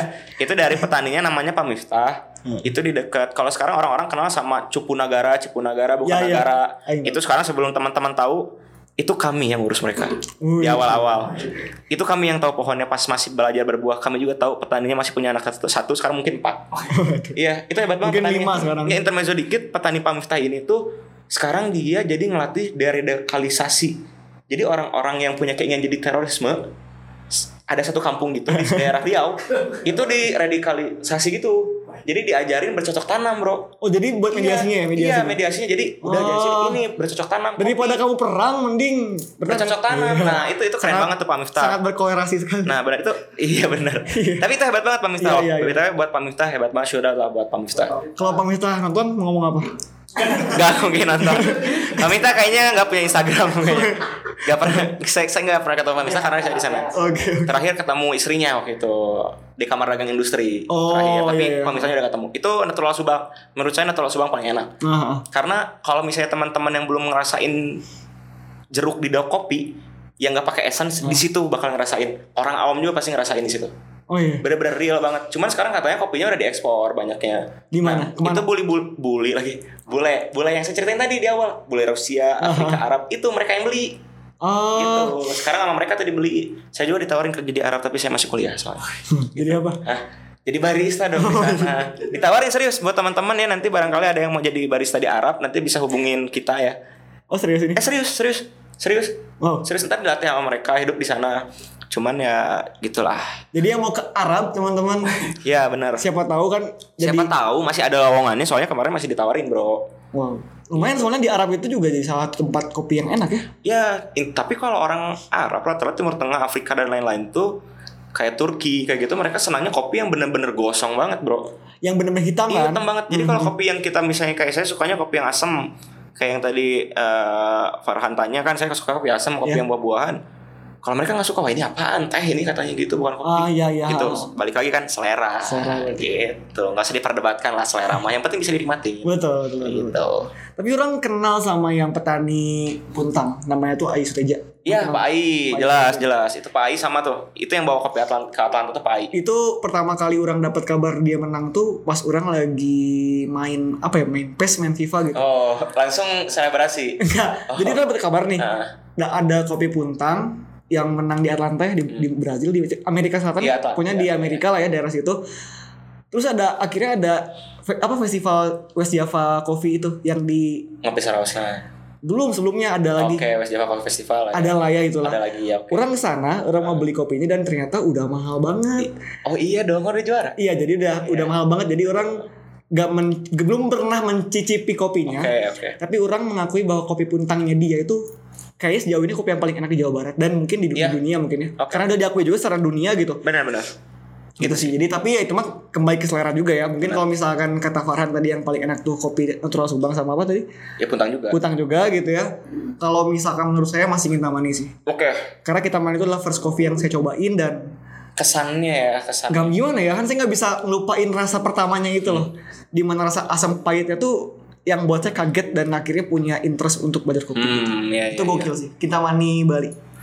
Ya, iya sih benar benar benar soalnya sudah juga buat Pak Ais Teja kalau misalnya nonton dia udah ngasih kita tenan ngopi Sarosnya volume 1 sama 2 di ini di buat Dope. iya Oh iya? buat UKM kita. Nice. Buat kopi cuman udah lama banget ya ketemu Pak Ai ya. Terima kalau nonton meskipun nggak nonton nggak apa nonton sih. Oh iya nonton nanti kita kasih tahu ya. Ya mungkin nonton ya. Ya nanti kita kasih Bisa tahu di-share pokoknya. lah Bisa di share lah buat teman-teman yang bisa share ke Pak Ai Suteja Tolong. Thank you banget udah bawa kopi Jawa Barat ya, Ya Mas, thank you banget Thank you banget. Sudah pokoknya buat semua petani di Indonesia. Gila. Thank you. Oke boleh oke mungkin next question. Next. Gimana nih cara kita ngadepin bisnis kopi yang menjamur terus dengan segmen pasar yang hampir oh I ngerti I ngerti iya, ngerti iya. I ngerti I Sama. ngerti Ya, maksudnya banyak makin banyak bisnis kopi nih. Iya. Tapi segmen pasarnya sama-sama aja begitu. Eh, cara menghadapinya gimana sih Iya, dengan gitu korelasi masalah pandemi yang membuat ekonomi menurun. Oke. ya mungkin kayak itu tadi Han yang tadi kita bahas juga fenomenanya banyak kedai kopi tapi marketnya tuh ya market itu itu aja Ya, ya. Di Bandung lah kita bahas ya di Bandung tuh mungkin ada tiap kali jalan dikit kopi lagi. Benar, benar, benar, benar. jalan dikit kopi lagi. Tapi kan eh, marketnya tuh ya itu itu lagi gitu. Iya, kayak misalkan dari 10 kedai kopi mungkin satu gitu yang emang suka kopi gitu. Benar, benar. nah itu cara ngadepinnya gimana gitu? Atau enggak cara cara ngebuat si kedai kopi itu bisa sustain dengan caranya masing-masing gimana? Oke. apalagi di tengah pandemi kayak sekarang. Oke, jadi kalau misalnya kalau menurut kita nih sebagai maksudnya di pengalaman kita aja ya yang kita ceritain gitu ya. Eh jadi di masa pandemi itu yang saya heranin mungkin banyak orang yang jadi jobless juga. Iya iya. Gitu banyak yang jadi nggak kerja juga. Nah salah satunya mereka mungkin punya tabungan berpikir orang ngopi itu banyak nih. Hmm. banyak ya akhirnya mereka buka kedai kopi. Nah tapi tanpa disadari juga sebenarnya ini bikin ekonomi penurun. Kenapa? Ya itu karena si marketnya ini nggak ada. Iya iya. Gitu justru orang yang harusnya mendapatkan uang malah jadi kehilangan uang. Iya. Karena dia bikin usaha tapi dia nggak dapat return karena di masa pandemi ini gitu karena orang Indonesia tuh kalau bikin bisnis tuh latahan satu bikin Thai tea 10 meter kemudian Thai tea lagi ganti-ganti dong namanya fenomenanya kan kayak gitu kan orang co- contohnya kayak Milo, Milo apa sih? Ya, Es kepal Milo. Milo, iya. Semua orang bikin, cuman kita kan nggak bisa sustain. Nah, makanya ketika di Cuman- masa pandemi ini cara ngadepinnya gimana? Kalau emang masih pengen punya coffee shop, berarti kita harus punya value. Baik dari secara story, story produknya atau emang story si brandnya ini sendiri, di mana ada cerita yang kita bisa jual ya, gitu. iya. Atau enggak sekarang misalnya coba coba lihat deh, ada di bisnis suki. Mahal. Iya. Kita makan suki mahal. Disuruh Mahal masak sendiri lagi. Mahal iya iya Disuruh masak sendiri coba. Kita beli bisa bisanya mahal. kita beli mahal, disuruh masak sendiri dan kalian senang. dan kalau kita bilang ini gak enak salah kita Iya. kan Nah, itu yang masak. Iya, kita yang masak, Nah, itu ada kita bisa ngejual experience. Ah, iya, iya, ada iya, experience kita sebagai konsumen merasakan oh gini ya caranya masak. Nah, kita bisa jual juga di bisnis kopi ini sendiri. Ah. Ada namanya kayak sekarang orang anak open bar. Open bar, ya. kan silahkan gitu. Bikin sendiri. Ya kita enak, gak usah capek-capek dia yang bikin kan. tapi experience-nya dia dapat gitu Dia dapat experience-nya dan dia bisa kita harus bisa nyeritain. Makanya buat barista yang dihilir, usahain tahu story dari kopi ini. Hmm. Jadi ketika ada konsumen yang tadinya nggak suka kopi hitam, kita bisa ceritain, ini kopi ada ceritanya nih. Gitu Iya, loh. iya. Terus punya tempat yang emang bener-bener ngasih experience tuh nyaman. Hospitality lah. Kalau dia begitu masuk kita sapa jangan pakai muka cemberut. Iya kak mau pesan apa? Kopi hitam atau kopi susu gitu kan? Pasti selalu kayak gitu. Mau kopi atau non kopi? Kopinya kopi hitam atau kopi susu? Itu kan kadang kita juga, aduh apaan sih kita lagi bete juga kan? Ajak yang baru ya cara Iya, interaksinya maksudnya gitu. ada, halo kak, selamat pagi gitu kan senyum kak Iya, atau iya, gimana? Dan ketika dia pergi pulang juga, Anterin sampai rumahnya. enggak, enggak. itu itu itu berlebihan, itu berlebihan, itu ber, Anda ada masuk lain. Waduh. Kalau itu ada masuk lain, kalau kayak gitu. Nomor WA-nya. Ah, enggak. Nah, jadi maksudnya kalau misalnya kayak gitu, kita ada hospitality yang emang bener-bener pas mereka cabut. Hati-hati ya mas, kayak gitu besok ke sini lagi Oh, gitu. iya. Kalau enggak gimana? Ya kalau nggak apa-apa. Oh, apa-apa juga. kan kita itu hospitality aja. Oh jadi kita kayak apa ya ramah kepada ramah, customer service juga. kita, treatment kita sama mereka. Kita tanya kopinya enak nggak? Atau kita bisa kasih waranti sama dia.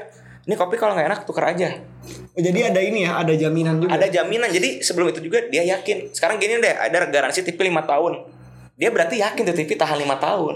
Hmm. Kayak gitu karena dia nggak mau ngeluarin kos buat Ya. selama lima tahun itu dia Ah, harus ngasih ah, ah. garansi karena dia yakin nah sama kayak kopi karena kopi itu sekarang bukan sekedar kita nganterin kopi doang tapi ada servisnya Betul. gitu dan buat saat ini buat orang-orang pelaku usaha coffee shop kalau emang tidak terlalu terdesak bawa coffee shop dan memang belum terlalu yakin sama konsepnya lebih baik ditahan dulu karena ini masa pandemi masa pandemi ini selesai orangnya sembuh tapi ekonominya mungkin masih belum Iya. kayak gitu jadi dipikir-pikir dulu lah buat pertanyaannya dari Wahyu ini sudah juga nih Wahyu nih wakil saya waktu di UKM Kopi Oh iya. ya ini ini ini ini ini dia dia udah pernah ke petani gayo Oh iya. Iya, dia orang Aceh juga aslinya, orang Aceh nih. Dia dia keren juga. Dia sosokan nanya aja dia. Kayak gini. Dia nanya-nanya. Dia nanya. Pura-pura aja ya? Pura-pura dia. Pura-pura gimmick lah. Iya, oh gimmick. Jangan kasih tahu dong. Oh, jangan kasih tahu. Jangan kasih tahu gimana. Pura-pura, pura-pura. Oke oke oke. Gokil sih gokil. gokil. Semoga terjawab ya Wahyu. Kalau misalnya nggak terjawab, jawab sendiri aja. Karena dia lebih tahu. Ya nanti kita lewat WhatsApp aja. Oke. Next next question. Eh, Oke. Miring sih bro. Oh ini ada nih. Uh, Prawidam, kenapa V60 di kedai lebih enak daripada bikin sendiri? Oke. Ini Eh, jawab hmm, gini sebenarnya eh, siapa namanya? Prawira Adam. Prawira Adam. Nah ini gini buat Prawira Adam, kenapa V60 di kedai lebih enak daripada bikin sendiri? Ya mungkin nyeduhnya salah gitu kan. Sederhananya kayak gitu. Itu gini eh, buat Adam ya. Oh enggak jangan Adam ya. Praw. Hai, Gunung Prau. Oh iya benar. Ntar dikira ngeledekin lagi. Wah. Prawi, Prawi. Iya. Dan gini, kalau misalnya soal nyeduh kopi V60 itu eh, kita sebenarnya sederhana aja. Kayak kalau kopinya enak, kalau kopinya kamu sama, ini kamu cobain aja deh. Kata kamu kamu ada kedai kopi enak di mana? Misalnya tempat A, V60 selalu enak. Nah, kalau kayak gitu cobain sama kamu, Mas, pengen beersnya bawa aja ke rumah 15 gram. Nah dari situ nanti kita eh, lihat nih pas kamu nyeduh ini kopinya enak atau enggak. Kalau misalnya kopinya nggak enak, berarti kamu salah nyeduh. Oh, Salah nyeduhnya nih. Iya, nah kalau iya. buat cara nyeduh, eh, Dam di YouTube udah banyak caranya kayak gimana gitu. Tergantung seleranya Adam kayak gimana. Intinya tuh kunci dari seduhan itu sebenarnya ada di biji kopinya Oke. bukan soal istilahnya bukan soal senjatanya apa aja nih tapi emang di biji kopinya gitu soal pelurunya juga di dalam senjata ini sama orang yang ada di balik senjata ini gitu kan Betul. nah kayak gitu nah nanti kalau emang biji kopinya udah enak insya Allah kalau misalnya diseduh juga pasti enak gitu kalau emang nggak usah V60 bikin tubruk aja buat tahu rasanya enak enggak kalau kalau tubruk kan standar ya dibasahin air tungguin sampai ampasnya turun Minum gitu. ya. minum gitu. Nah kalau buat V60 emang harus ada beberapa develop yang emang kamu harus tahu cara nyeduhnya kalau pengen rasanya seperti A harus kayak gimana ya mungkin kalau itu bisa dibahas di segmen lain kali ya kalau nyeduh Iya. bisa cek Open bar nanti kita. iya open bar gitu itu bisa dicek di Bisa IG open bar. Kamala atau backyard lah karena Iya, itu iya. lebih bener-bener ke teknis Ah, penyeduhan ya betul, betul. jadi kalau buat Adam selama biji kopinya enak pasti enak gitu Dam nah kenapa misalnya di rumah nggak enak pertama ya karena biji kopinya atau memang ada experience lain yang ngebuat mood kita enak di tempat itu kalau di Iya. kedai Ah. apa ditemenin temen apa ada siapa kan di situ yang emang kita seneng bikin kita seneng Jadi buatnya enak gitu ya. jadi Hmm. enak minumnya nah kalau di rumah mungkin ah, sendiri juga kan Iya, minumnya. cuman kalau selama biji kopinya enak dan ya secara secara sederhana hanya biji kopinya aja sih sisanya suasana dan lain-lain kayak gitu itu Oke. dam saya bisa ngejawab ya dam ya Nice. Itu sih Oke, kalau nice. ini kayaknya Farhan lebih ngerti sih yang tadi. Orang nggak paham sama sekali cara ngeduh gimana. Lanjut next question. Citra Citra. cara nikmatin biji kopi yang sesuai pisang. Pisang. Oh, yang sensasi pisang. Sensasi. Pisang dan sebagainya kayak gimana? Ingin bisa nikmatin tapi rasanya kayak sama aja. Oh, yang Aing kayaknya pernah kayak halu banana maksudnya. Ya, yang- paham, yang- paham. kan dulu tuh orang tuh dapat biji ini loh kan kayak eh, dari Jogja tuh apa, namanya tuh? Apa nggak roastery yang di Jogja tuh? Yang Space.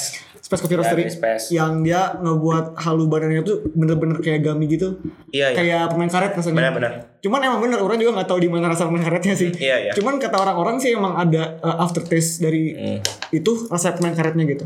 Nah itu gimana cara nimbulin Oh. rasa-rasa kayak gitu kayak pisang melon gitu-gitu. Nah, Citra pengen dia bisa ngerasain kan Pisang rasanya dia- pisang kayak pisang gimana kan. kayak. Sensasi pisangnya kayak gimana. Sebenarnya gini, eh, Citra kalau cuma minum sekali aja nggak bisa Oke. gitu karena kan kalau misalnya rasa-rasa di kopi itu hint highlight doang nggak bisa pure kayak pisang makan pisang nggak tapi seperti pisang ketika misalnya kita ngerasain si kopi ini tidak sepahit yang lain Hmm. ada manisnya dikit. Nah ini manisnya kayak apa ya? Apakah gula-gulaan? Apakah misalnya pisang? Nah caranya gimana? Sebenarnya kan rasa yang kamu tangkap tuh stimulus dari otak juga. Betul. kita coba kamu pikirin pisang. Terus-terusan pikirin pisang. Kamu sering kamu sering makan pisang sama sering minum kopi ini nggak sekali dua kali? Kayak cobain sehari sekali lusanya minum lagi lusanya minum lagi. Nah nanti bakal ketemu sama rasa pisangnya karena nanti ini bakal berkaitan sama sensori Oke. nah ketika kamu sensori nanti itu bakal suruh ngerasain kopi itu punya lima rasa nih punya pahit gurih asam manis asin di kopi itu ada lima rasa ini Banyak banget ya. Benar. Nah, makanya ketika ini tuh lima rasa dasar ya yang kita lidah kita bisa bisa bisa yang kita bisa apa? Yang kita bisa tangkap gitu. Nah, buat Citra kalau Citra udah bisa lima rasa ini Citra rasain, nanti Citra bakal ngerasa juga ada sensasi manis juga eh, di si kopi ini gitu. Nggak selalu pahit. Iya, iya. Dan harus percaya kopi itu nggak selalu pahit. Kalau misalnya Citra mikirnya itu pahit, ketika Citra nyobain itu pasti pahit lagi. Oh. Karena di otak kitanya ah kopi mah pasti pahit Iya iya. gitu. Dan minumnya coba diseruput. Nah, gitu. Kenapa kayak gitu? Pertama kan kopi teh panas. Nanti ke lidah kita kan melepuh kalau misalnya ini Tapi ada kan. yang dingin kan? Oh iya, tapi kan pada normalnya baiknya kopi itu di panas. Oh iya. Penyajian awalnya kan panas. Oh iya. Dulu orang emang Oh iya, orang betul, bikin betul, es, betul. Orang bikin es emang dulu enggak. Oh iya. Enggak juga kan. Dulu pada zaman awal pasti orang pakai air panas dong. Di Antartika pasti ada es. Eh jauh pak Jauh kayaknya orang sana nggak ngopi sih Oh. Belum, belum. Nggak ngopi Kayak gitu Citra Nanti kalau misalnya emang soal ngerasain gitu Mungkin nanti deh Nyobain kopinya Sering-sering minum kopi ya Nanti kita kasih kopinya Nanti bakal nyobain bedanya apa Tapi orang pernah eh, apa ya ngobrol sama petani kopi juga. Hmm. Ngaruh nggak sih dengan tempat penanaman kopinya? Katanya kopi itu bisa men, men apa ya men, men, menekstrak men, Hmm. Menyerap menyerap bau-bau, menyerap, menyerap dari harum-harum sekitarnya. tumbuhan sekitarnya. Iya, betul, kayak di betul. ini kayak di Kitaman itu kan kalau nggak salah banyak jeruk kan. Hmm. Jadi emang rasa si kopi itu emang lebih asam mungkin ya. Iya iya Dan kata orang-orang sih emang ada hin rasa jeruknya juga. Itu berpengaruh nggak dalam dalam Iya, iya. kopi gitu? Ah, iya, iya, ini agak ke distract nih pertanyaan Bapak Darul ya. Oh ada. Ya nanti aja nanti dijawab nih. Eh, nah itu kenapa? Itu benar.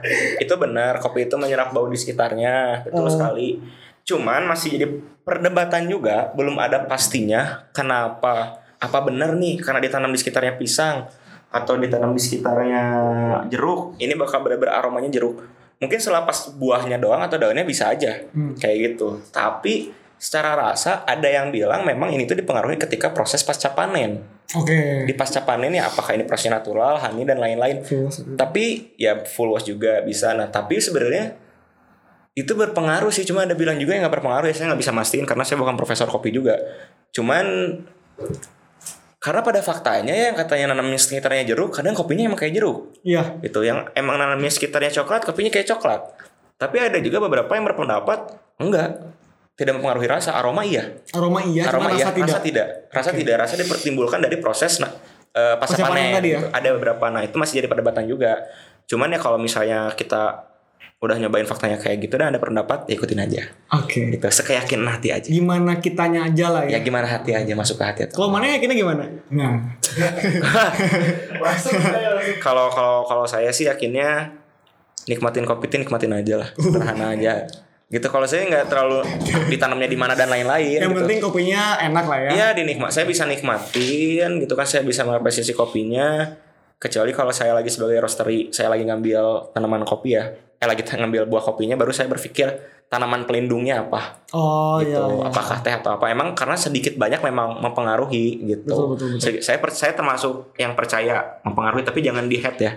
Kita takutnya di head, Oh, sama siapa? bohong, sama Oh, netizen. oh, ini. Gitu kan, wah bohong. kayak Farhan gitu. Pratama Lutfi namanya Instagram. Bukan. Oh, bukan. Farhan Pratama Lutfi apa? Oh iya oke oke. F Muzadin. Ah iya itu bener F Muzadi. Itu mana? Oke. Oke. Eh, semoga menjawab ya pertanyaan dari eh pertanyaan dari Farhan. Jawaban dari Farhan tadi Hmm. untuk jawab pertanyaan dari Citra. Oke, next question tadi yang Darul, Darul kayaknya menarik. Oh ya Darul enggak Nanya apa? Darul nih Darul. Kak gimana eh apa Kintamani begal gitu. Oh, ini orang ini ini kurang kayaknya. ini di mana jawab? Ini di mana? ini kagak Ini jelas. maksud, ini maksudnya apa ini? Ini maksudnya Darul apa sih? Jadi orang tuh dicekokinnya tuh sama dia Oke. temannya dia jadi dia Oh. kita punya teman tukang nasi goreng Berarti itu temennya teman orang. Dia. teman Ta- iya kan Darul temen orang juga. enggak Darul tuh sama orang kan saya SMA nih Iya. jadi kita ke nasi goreng emang tempat nongkrong Oh iya nasi goreng begal Cipadu. Iya, iya, iya. Nah dia tuh punya kopi Kintamani karena Hmm. orang tuh nggak suka kopi dulunya. Dia dia maksa orang untuk nyobain nih kopi Kintamani ke kopi dan sebagainya gitu. Orang cobain. Ada Darul juga, Darul sebagai saksi lah. Hmm. Oh Darul saksi. Orang nyobain, orang awalnya menolak dan pulang-pulang tuh langsung kayak sakit perut gitu. Cuman dari situ mikir, oh ternyata kopi itu nggak cuma pahit ya. Gitu. Iya, iya, Jadi Darul apa ya saksi mata lah. Oh iya iya. Saksi bisu enggak bisu juga saksi saksi mata yang emang eh, menjadi apa ya bukti dari Hmm. orang suka kopi lah gitu. Iya, oke oke. Oke, ada lagi nggak yang ada yang itu, lagi tuh? itu ntar bentar kak gimana caranya berhenti ngopi? Candu bo- banget. Enggak Darul kayaknya penikmat kopi saset. Soalnya Darul kelihatan dari wajah-wajahnya gitu. Ya maksudnya so- so- soalnya ini Darul nih ini banget soalnya kayaknya gini loh maksudnya kalau kalau misalnya emang mau berhenti ngopi dikurangin dosisnya. Nah, ini gitu. setuju, karena gini namanya zat adiktif. Dia tuh kamu kuat minum segelas seminggu kemudian bakal kuat dua tubuh bakal minta dua Kurang setuju. Nah, ketika udah dua, nanti minggu depannya minta tiga. Nah. Nah, caranya ya harus ditahan. Iya, iya. Ditahan bisa lah, nahan cuma segelas Ya, ya. kan. Walaupun kopi itu sehat, tapi jika berlebihan itu tidak baik. Nah, Ya gitu. kan? Apa pun yang berlebihan itu tidak baik. Orang pernah sampai titik di mana orang satu hari tiga gelas. Hmm, Nah, itu itu. Tapi nggak ada isinya. ya ada isinya kopi. ini ini agak lucu sih. Ini ini Ada isinya jokes bapak-bapak ini. Nggak jadi orang pernah sehari tiga gelasan. Eh. Yang pagi itu kopi eh, apa? Cafe latte gitu-gitu. Habis. Ada habis. Iya, habis. Nanti lah ya kita refill. yang kopi siang itu Japanese ice, yang malamnya tuh eh, kopi-kopi hitam tubruk gitu. Orang pernah tiga gelas satu hari. Dan emang dampak ke tubuh orangnya, orang merasa kemarin tuh awal-awal nggak ada masalah apa-apa. Hmm. Jadi lebih fine aja, lebih enak. Cuman jadinya lebih lebih bergantung. Ya, Jadi kalau nggak ngopi itu orang rungsing banget. Kayak gimana? ya, Kayak rese lah ya. rese, rese banget kayak ke orang-orang tuh orang benci gitu, ke orang semuanya kurang nggak suka semuanya gitu.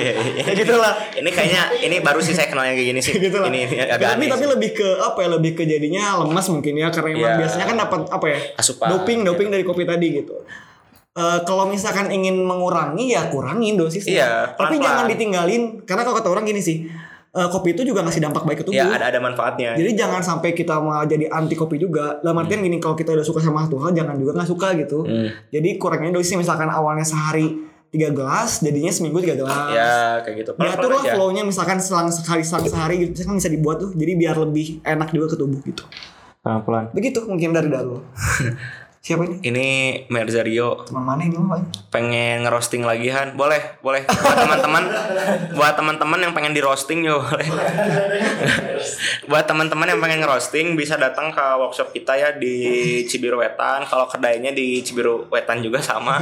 Nggak jauh cuma lokasinya berbeda. Jadi kita bisa ngobrol sharing. Jadi kita sharing ya. Kita di sini nggak ada yang paling pintar nggak ada yang paling benar. Setuju. jadi jadi kita mau ngobrol kan? Sharing nongkrong sambil ngobrol. Cuman Nongkrong. ya sekarang lagi diliatin aja. Pasti ada banyak salah juga. pasti dong Dalam pasti dong. ada yang nggak Gak sependapat, sama kita bukan gitu. salah tapi gak sependapat. Wajar dan Wajar. itu kan emang eh, apa ya basic dari nongkrong tuh itu ya, gitu. nggak apa-apa. Orang kita kan diskusi, sharing gitu nggak apa-apa. Jadi eh, kalau mau ngobrol sama Farhan, ngerosting bareng juga boleh ya berarti. Hmm, bisa ngobrol sama dia juga boleh, sama Opang boleh. Ngobrol apa tapi ngobrol Oh iya, yang lain-lain lah. yang lain-lain lagi lah ya gitu ya. Oke. Ada lagi nggak yang nanya? Oh tadi ada yang nanya di ini di question box uh, Zahara. Hmm. Bentar ya, aku buka dulu ya teman-teman. Gimana cara struggle di industri kopi waktu pandemi begini? Apakah ada perbedaan dengan brand lain? Maksudnya kan kopi kan F&B dan F&B juga di, di apa ya? Di suatu bidang yang emang sangat concern dari hulu ke hilir tadi ya. Oh kok. Jadi maksudnya brand lain tuh Kayak kopi clothing, at- clothing maksudnya. Oh, kop, bedanya kopi misalnya sama clothing atau Ah. kopi sama makanan Makanan- doang. makanan lain gitu. Oke. Eh, bedanya gini ya teman-teman. Eh, struggle-nya kopi ya, yang tadi udah disinggung juga sama kita.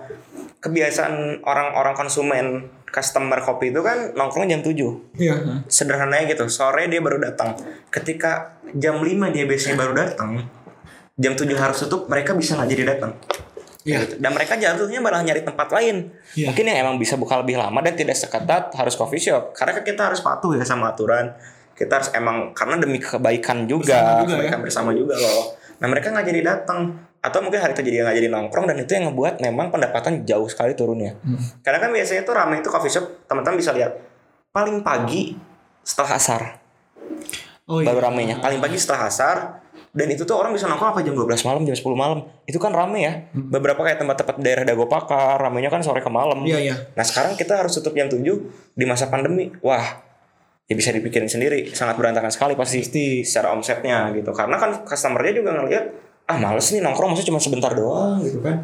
Baru ketemu sama temen baru sama ketemu temen baru ketemu siapa gitu kan. Dua jam pengen ngobrol tiga jam juga nggak bisa. Namanya juga ya kita harus patuh lah intinya. Jadi Iya. iya. ya jadi sangat sangat berpengaruh sekali. Dan cara dan caranya gimana bertahan? Tadi ngopi pagi itu. Betul. atau enggak memang ada beberapa tempat juga memperlakukan oke silakan buka sampai jam 10 tapi take away gak ada dine in Ah iya gitu iya, iya. itu caranya mungkin itu bisa dimanfaatkan dari sisi kayak GoFood, GrabFood, Betul, betul, kayak betul. gitu caranya. Jadi ngopinya di rumah lah. Kayak Oke. gitu. Apa ya bedanya kalau misalnya clothing kan sama sebenarnya kalau kalau sama clothing tapi mungkin kalau clothing bakal lebih sulit di masa ini karena baju kan bukan kebutuhan primer. Iya. Itu itu pasti lebih sulit juga. Iya. kalau misalnya makanan enaknya dia bisa buka pagi atau siang, Bro. Hmm. Siang orang makan siang juga di kantin, di rumah makan gitu. Orang sekarang udah mulai kerja biasa. Hmm. WFH-nya mungkin hanya 30% mungkin ya. Iya. Kalau ada saya kurang tahu juga nih. Nah itu kalau kopi gini sederhananya makanan buat orang makan siang yang kerja kebutuhan primer banget lah. Kopi juga ini tuh sebenarnya antara kebutuhan sekunder atau primer. Ada orang butuh banget, ada yang jadi sekunder. Sekundernya karena kenapa? Sekundernya karena dia kan butuhnya nongkrong. Ketika dia nggak bisa nongkrong, wah sulit lah kita di masa pandemi ini gitu ya buat coffee shop. Itu banyak juga coffee shop yang akhirnya tutup setelah buka lima tahun, tujuh iya, tahun, iya. banyak banget tuh yang tutup karena pandemi ini gitu. Nah terus kalau misalnya clothing, ya itu orang sekarang dapat duit susah, mikir baju juga nggak terlalu perlu-perlu amat gitu. Jadi ya semua bisnis punya masalahnya masing-masing gitu. Gitu sih. Semoga terjawab ya buat siapa ya? Tadi ya. Buat siapa ini, ya? buat eh, Suar. Oh buat Suar. Buat. Suar. Kang Suar. Kang Suar. Semoga terjawab Kang Suar. Nanti kita Nah. bisa ngobrol lagi Kang Suar. Oke, nah ini last question kayaknya yang Iya. bisa kita sajikan dari nenek. Eh sebelah nenek. Sebelah nenek tuh kayaknya brand juga, cuman dia di industri sebelah. Oke, oke. Mana yang sebelah ya? Oke, saya suka banget sebelah. Eh, tips and trick ngejalanin hubungan dengan para petani gimana? Dan Oh. gimana caranya bisa menjadi pimpinan yang baik di industri gitu. Oh iya iya, ini hubungan dengan petani loh ya. Iya. Jadi gimana sih caranya kita? Yang pasti kita harus tahu ya cara komunikasi sama mereka. Gitu. Karena bedanya kita adalah satu petani kita nggak bisa bohong pikirannya perut. Betul. Perut bukan kita gimana, bukan underestimate atau tapi maksudnya mereka mikirin yang penting saya bisa makan besok. Betul. Gitu sesederhana itu. Itu yang ngebuat mereka nggak peduli kejual barangnya berapapun. Berapa banyak, Nah, kan? makanya lah komunikasi kita sebagai kita yang istilahnya ya lebih teredukasi gitu loh. Kita bisa menyampaikan komunikasi secara lebih baik. Caranya karena itu satu-satunya hubungan tuh simpel kok dijaganya. Komunikasi aja udah. Iya. Karena dari komunikasi itu bisa timbul kepercayaan, Betul. bisa Saling timbul- mengerti ya. saling mengerti, saling menguntungkan juga, apalagi jelas. Nah katanya komunikasinya kita bisa tahu nih kita lagi lawan bicara kita siapa.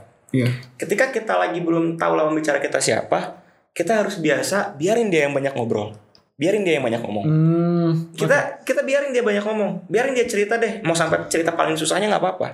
Tapi dari situ kita analisis sebenarnya ini orang butuh apa. Hmm. Ini orang tuh berharap apa dari kita gitu. Nah, ketika kita tahu butuhnya dia apa, dia berharap ekspektasi dia ke apa dan mana yang bisa kita penuhi, dia bakal nangkep maksud kita juga.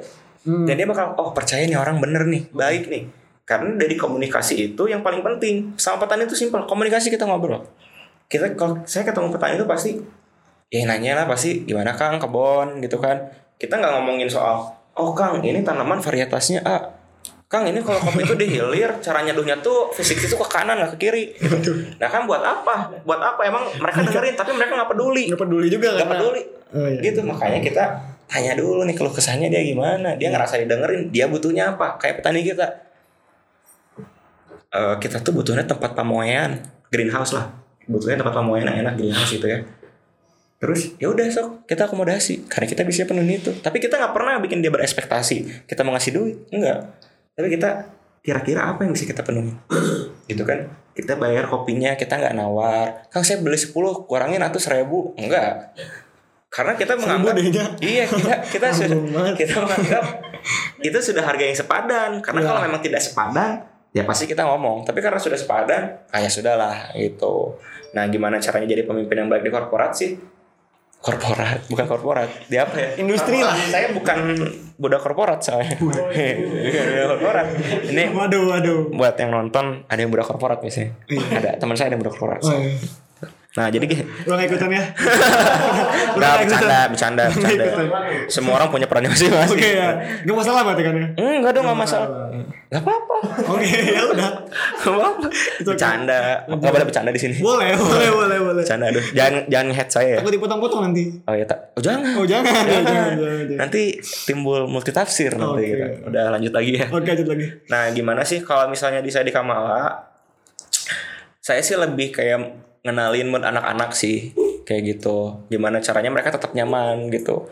Jadi kenapa sih saya bilang juga saya nggak akan nyuruh teman saya yang jagonya keuangan buat diproduksi Hmm, gitu. Saya nggak akan nyuruh teman saya yang anak manajemen buat nyangkul terus nanam betul, betul. dan mengenali ini tanaman harus gimana treatmentnya. Betul. Kenapa ketika mereka berjalan sama dia yang nggak tahu dan dia nggak mau tahu, nanti dia jadi malas, Betul, dia jadi bete.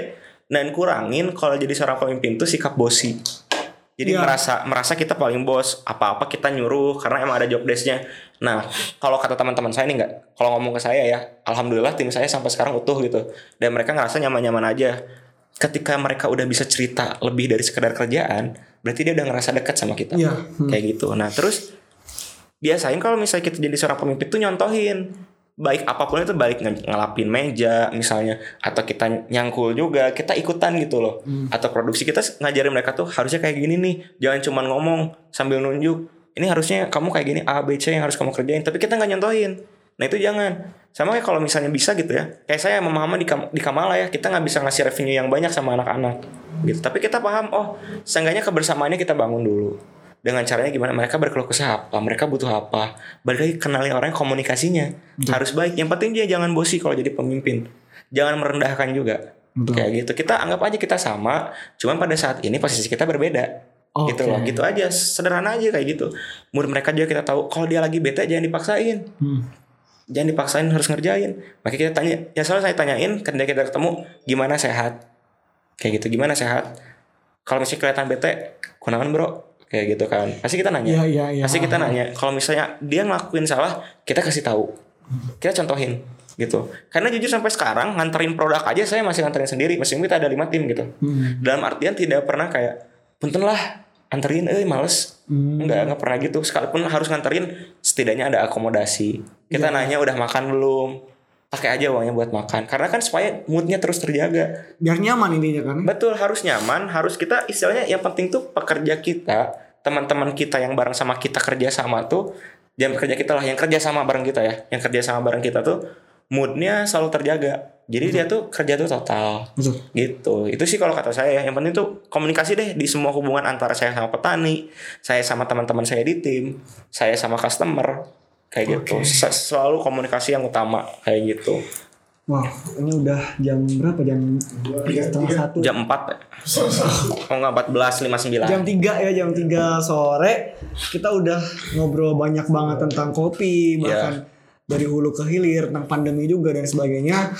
Ini kayaknya harusnya bisa lebih panjang sih ya, cuman karena Iya. waktu yang terbatas. betul betul Karena Farhan juga sibuk ya. enggak juga sih Oh enggak juga ya. enggak sih saya enggak saya enggak suka disebut sibuk soalnya Oh, produktif. enggak juga Apa tuh? biasa aja hidupnya kayak gini Oh, oke. Gitu. Apa adanya lah ya gitu. iya benar Apa adanya. kayak gitu Eh, kita harus apa ya? Harus menutup perjumpaan nongkrong kita hari ini. ya karena apa yang kita bahas semoga bisa maksimal didapat juga sama teman-teman juga. Misalkan teman-teman ada yang mau buka usaha kopi di bidang apa pun, entah roasterynya, entah coffee shopnya, atau misalkan cuma sekedar untuk menikmati kopi eh, dengan keliling-keliling coffee shop, eh, yang saya ingin titipkan adalah tadi yang mungkin kita sama-sama share awareness ini gitu Iya. bahwa kopi itu punya value yang besar banget buat Benar, petaninya, buat roasterynya, buat coffee shopnya juga dan Betul, sebagainya. jelas. Maka hargai kopi dengan apa ya? Dengan harga yang emang udah disepakati kita semua. Dalam artian, Betul. misalkan teman-teman beli ke coffee shop A dan mereka jual harganya segini, ya usahakan jangan marah-marah lah. Iya benar. Ya kalau misalkan emang terlalu mahal di sini, jangan di sini beli. Iya betul. Pilih aja kita coffee shop yang mana yang paling Betul. worth buat kita. Tapi Betul. jangan marah-marah coffee shopnya. Pak ini kan nggak segini harga Iya, di iya. Hulu. Ya nggak gitu. Ya nggak gitu juga karena Nggak mereka gitu. pasti punya pertimbangan lain ya kenapa harganya lebih Benar, mahal. gitu. karena kan kalau mau buka coffee shop juga pasti udah ada segmennya dong. Ya, Kita udah ngebaca segmen ah, pasar betul, untuk betul, siapanya, betul, betul. kayak gitu. Jadi untuk eh, seluruh pelaku entitas di industri kopi baik itu penikmat sampai pelaku industrinya eh, semoga sama-sama bisa sama-sama scale up ya untuk mening- meningkatkan kopi juga. Betul, amin. Sebagai penikmat juga mungkin ya punya waktu rutin ya untuk menikmati kopi Betul. membantu usaha teman-teman juga, membantu usaha coffee shop juga karena coffee shop juga pasti bakal membantu usaha roastery, roastery juga pasti bakal membantu usaha petani juga gitu. Ya. Jadi sama-sama punya hubungan yang kita harapinnya bisa terus berkembang gitu. Amin. Mungkin ada closing statement dari Farhan, apa yang mau disampaikan terakhir? Kalau closing statement dari saya satu sih ketika kita mau jadi peminum kopi, kita mau cuman jadi pelaku industri di bagian mana pun, jadilah bermanfaat dan menginspirasi. Uh. Karena maksudnya itu selalu nilai yang saya pegang ya dari zaman saya dulu karena ya puncak hidupnya seseorang tuh bermanfaat untuk orang lain. Kayak gitu. Jadi closing statementnya itu aja. Soalnya kan kalau soal kopi udah dibicarain dari Oh iya tadi iya iya. gitu. iya. Berarti, berarti intinya bermanfaat ya. Ya, dan mau kalau- jadi apa pun. Iya, dan menginspirasi kayak gitu sih. Harus kayak gitu sih hidup mah. Gitu aja makanya kalau disebut sibuk enggak, produktif juga enggak. Hmm. Gini aja hidup mah. Kayak gitu. Santuy. Santuy. Oke. Gitu. Oke terima kasih teman-teman dan mungkin mau nginfoin juga bahwa episode ini tuh adalah last season episode last season di season pertama ini jadi bakalan ketemu lagi di Nongki Talki season 2 mungkin setelah Ramadan ya setelah puasa. Tapi jangan khawatir teman-teman karena nanti pas puasa kita bakal punya segmentasi juga Nongki Talki yang spesial untuk mengisi puasa teman-teman semua. Jadi Nongki Talki bakalan di YouTube eh, sama episode ini sama Farhan Inilah episode kita di season pertama ini. Misalkan teman-teman ada keluh kesah, ada evaluasi yang sekiranya bisa membantu kita untuk lebih baik lagi, mangga bisa DM akun Alzara Muda atau Alzara Kreatif. Pokoknya sampai jumpa nanti di season kedua setelah Ramadan. Dan nanti pas Ramadan kita bakalan buat suatu project juga yang insya Allah bisa menemani teman-teman semua untuk menikmati ibadah puasa dengan lebih baik lagi. Gitu. Amin, amin insyaallah. Nanti bakal ada kopi gratis ya pas puasa. Aman. Gampang. Gampang aman.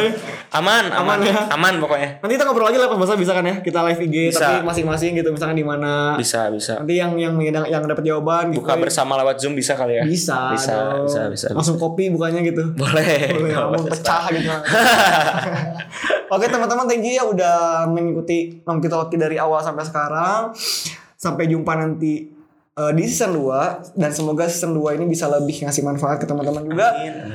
Dan semoga semua yang Farhan juga lakuin Amin. dan seluruh eh, narasumber yang kemarin datang juga dan menginspirasi kita semua juga lancar kegiatannya dan urusannya Amin, amin, amin. biar semakin bisa menginspirasi teman-teman semua dan orang lain juga di luar sana. Betul? Betul, amin. Nice, thank you. Terima kasih thank you. teman-teman. Sampai jumpa di uh, Non Kita berikutnya. Oke. dadah, dadah, dadah.